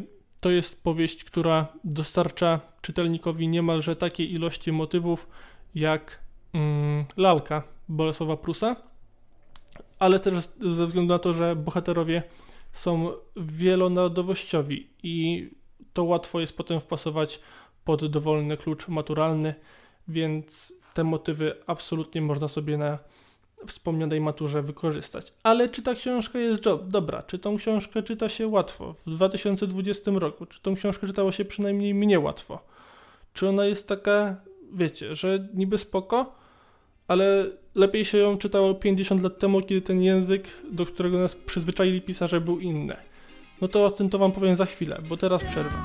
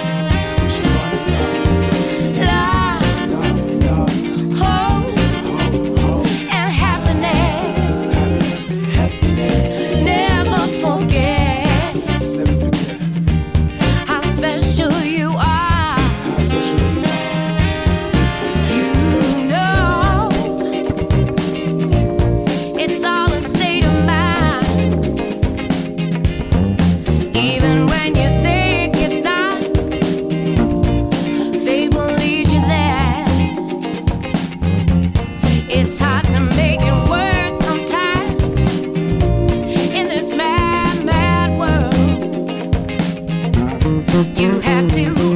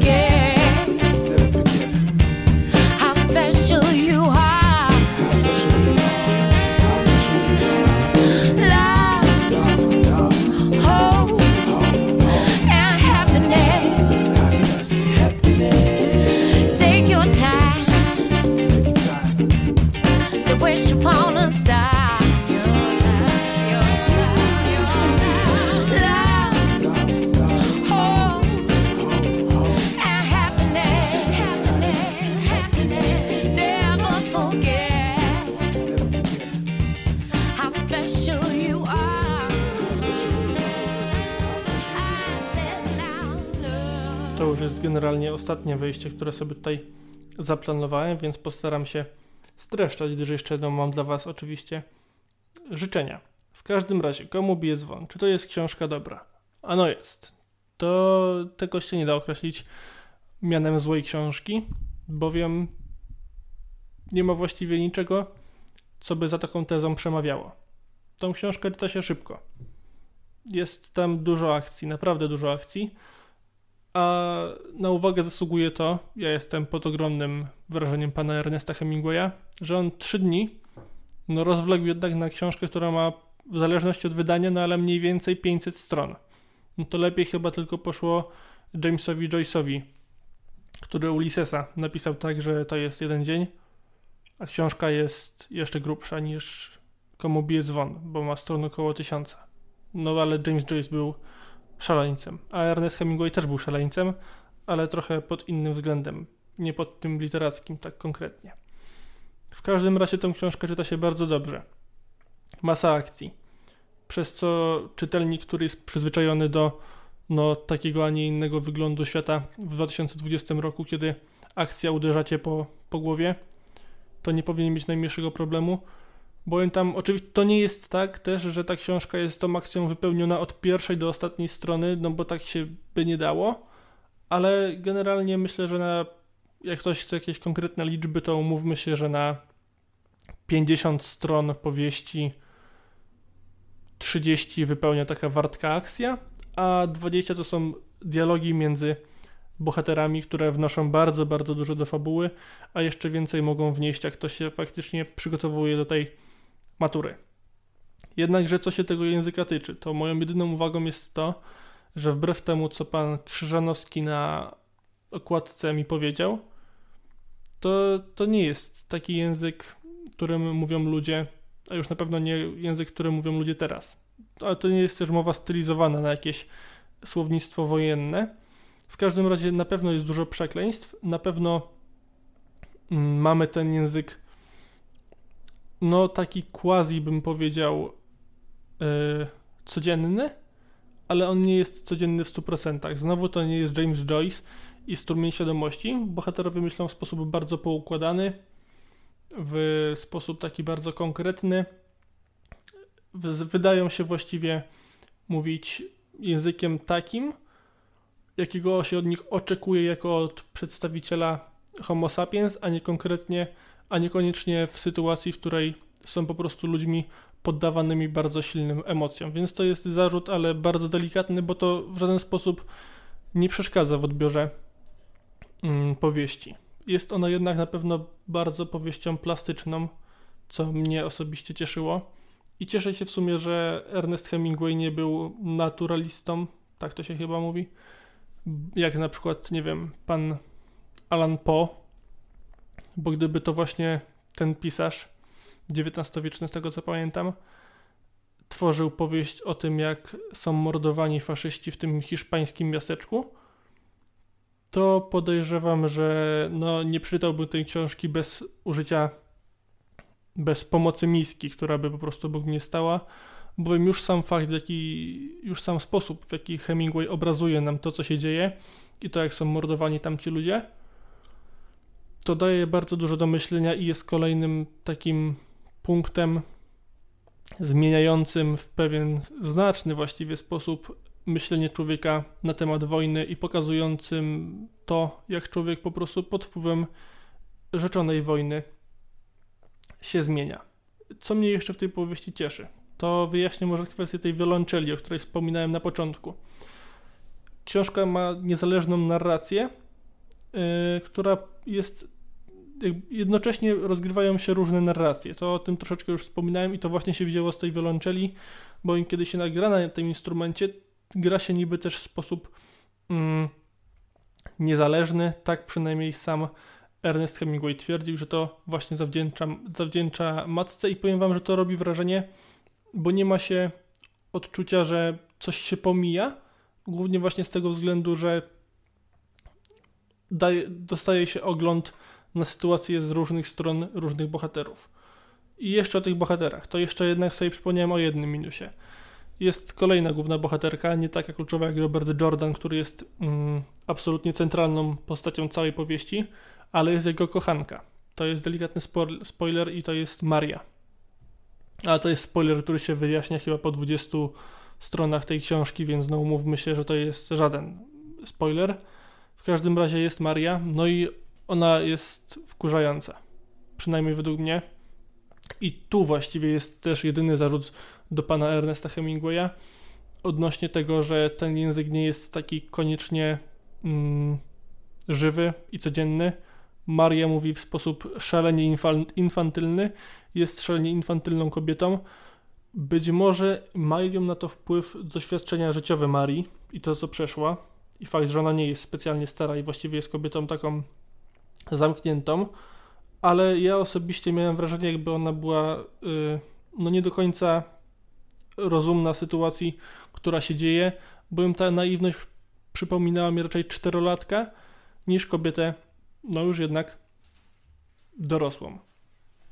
W każdym razie Maria stanowi właściwie jedyny zarzut, jaki mogę wystosować odnośnie y, bohaterów Komu bije dzwon, bowiem reszta bohaterów napisana jest w sposób bardzo, bardzo dobry, bardzo skrupulatny. Jestem pod wrażeniem w szczególności konstrukcji y, Pilar, o której też już wspominałem, i Roberta Jordana. W takim razie mogę tą książkę polecić i główną tezę, którą postawiłem, ta książka jest dobra, no dobra jest.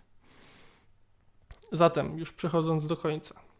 Y, John Dannon napisał Dlatego nigdy nie pytaj, komu bije dzwon, bije on tobie. W 1961 roku wybił on właśnie Ernestowi Hemingwayowi, który odszedł na totalnie swoich zasadach, strzelając sobie w głowę ze swojej ulubionej strzelby. To był koniec tego wybitnego pisarza, który pozostawił po sobie no nie tylko starego człowieka i morze, ale przede wszystkim komu bije dzwon. Ja tę książkę rekomenduję totalnie wszystkim, tym bardziej, że teraz mam nadzieję, że wszyscy siedzimy faktycznie w tym domu i mamy sporo czasu na zapoznawanie się z klasykami literatury, więc jeżeli ktoś, jak ja do niedawna, jeszcze nie czytał Komu bije dzwon, to niech to sobie przeczyta, bo to jest naprawdę bardzo dobra książka. A jak to już jest maturzystą, to już na pewno niech to przeczyta, bo to mu załatwia połowę matury. Jak ktoś przeczyta lalkę i komu bije dzwon, to zaręczam, że 80% na maturze nawet rozszerzonej to będzie miał spokojnie. No chyba, że weźmie analizę wiersza, to wtedy nie odpowiadam za jego wynik. W każdym razie, to już jest y, koniec tej audycji, wyjątkowo prowadzonej samodzielnie przeze mnie. Bardzo dziękuję wszystkim za uwagę i będę zaszczycony, jeżeli ktoś faktycznie wytrwał do tego momentu, bowiem chciałem jeszcze Państwu złożyć życzenia. Mamy święta wielkanocne, więc wypada mi tylko w tym okresie dość specyficznym życzyć wszystkim dużo, dużo do zdrowia i spokoju. Nie będę tego rozwlekał, bowiem myślę, że to są dwie podstawowe tak naprawdę potrzeby teraz każdego z nas. Zatem jeszcze raz dużo zdrowia i dużo spokoju. Dziękuję za uwagę i jeżeli wszystko dobrze się ułoży, do usłyszenia w czwartek.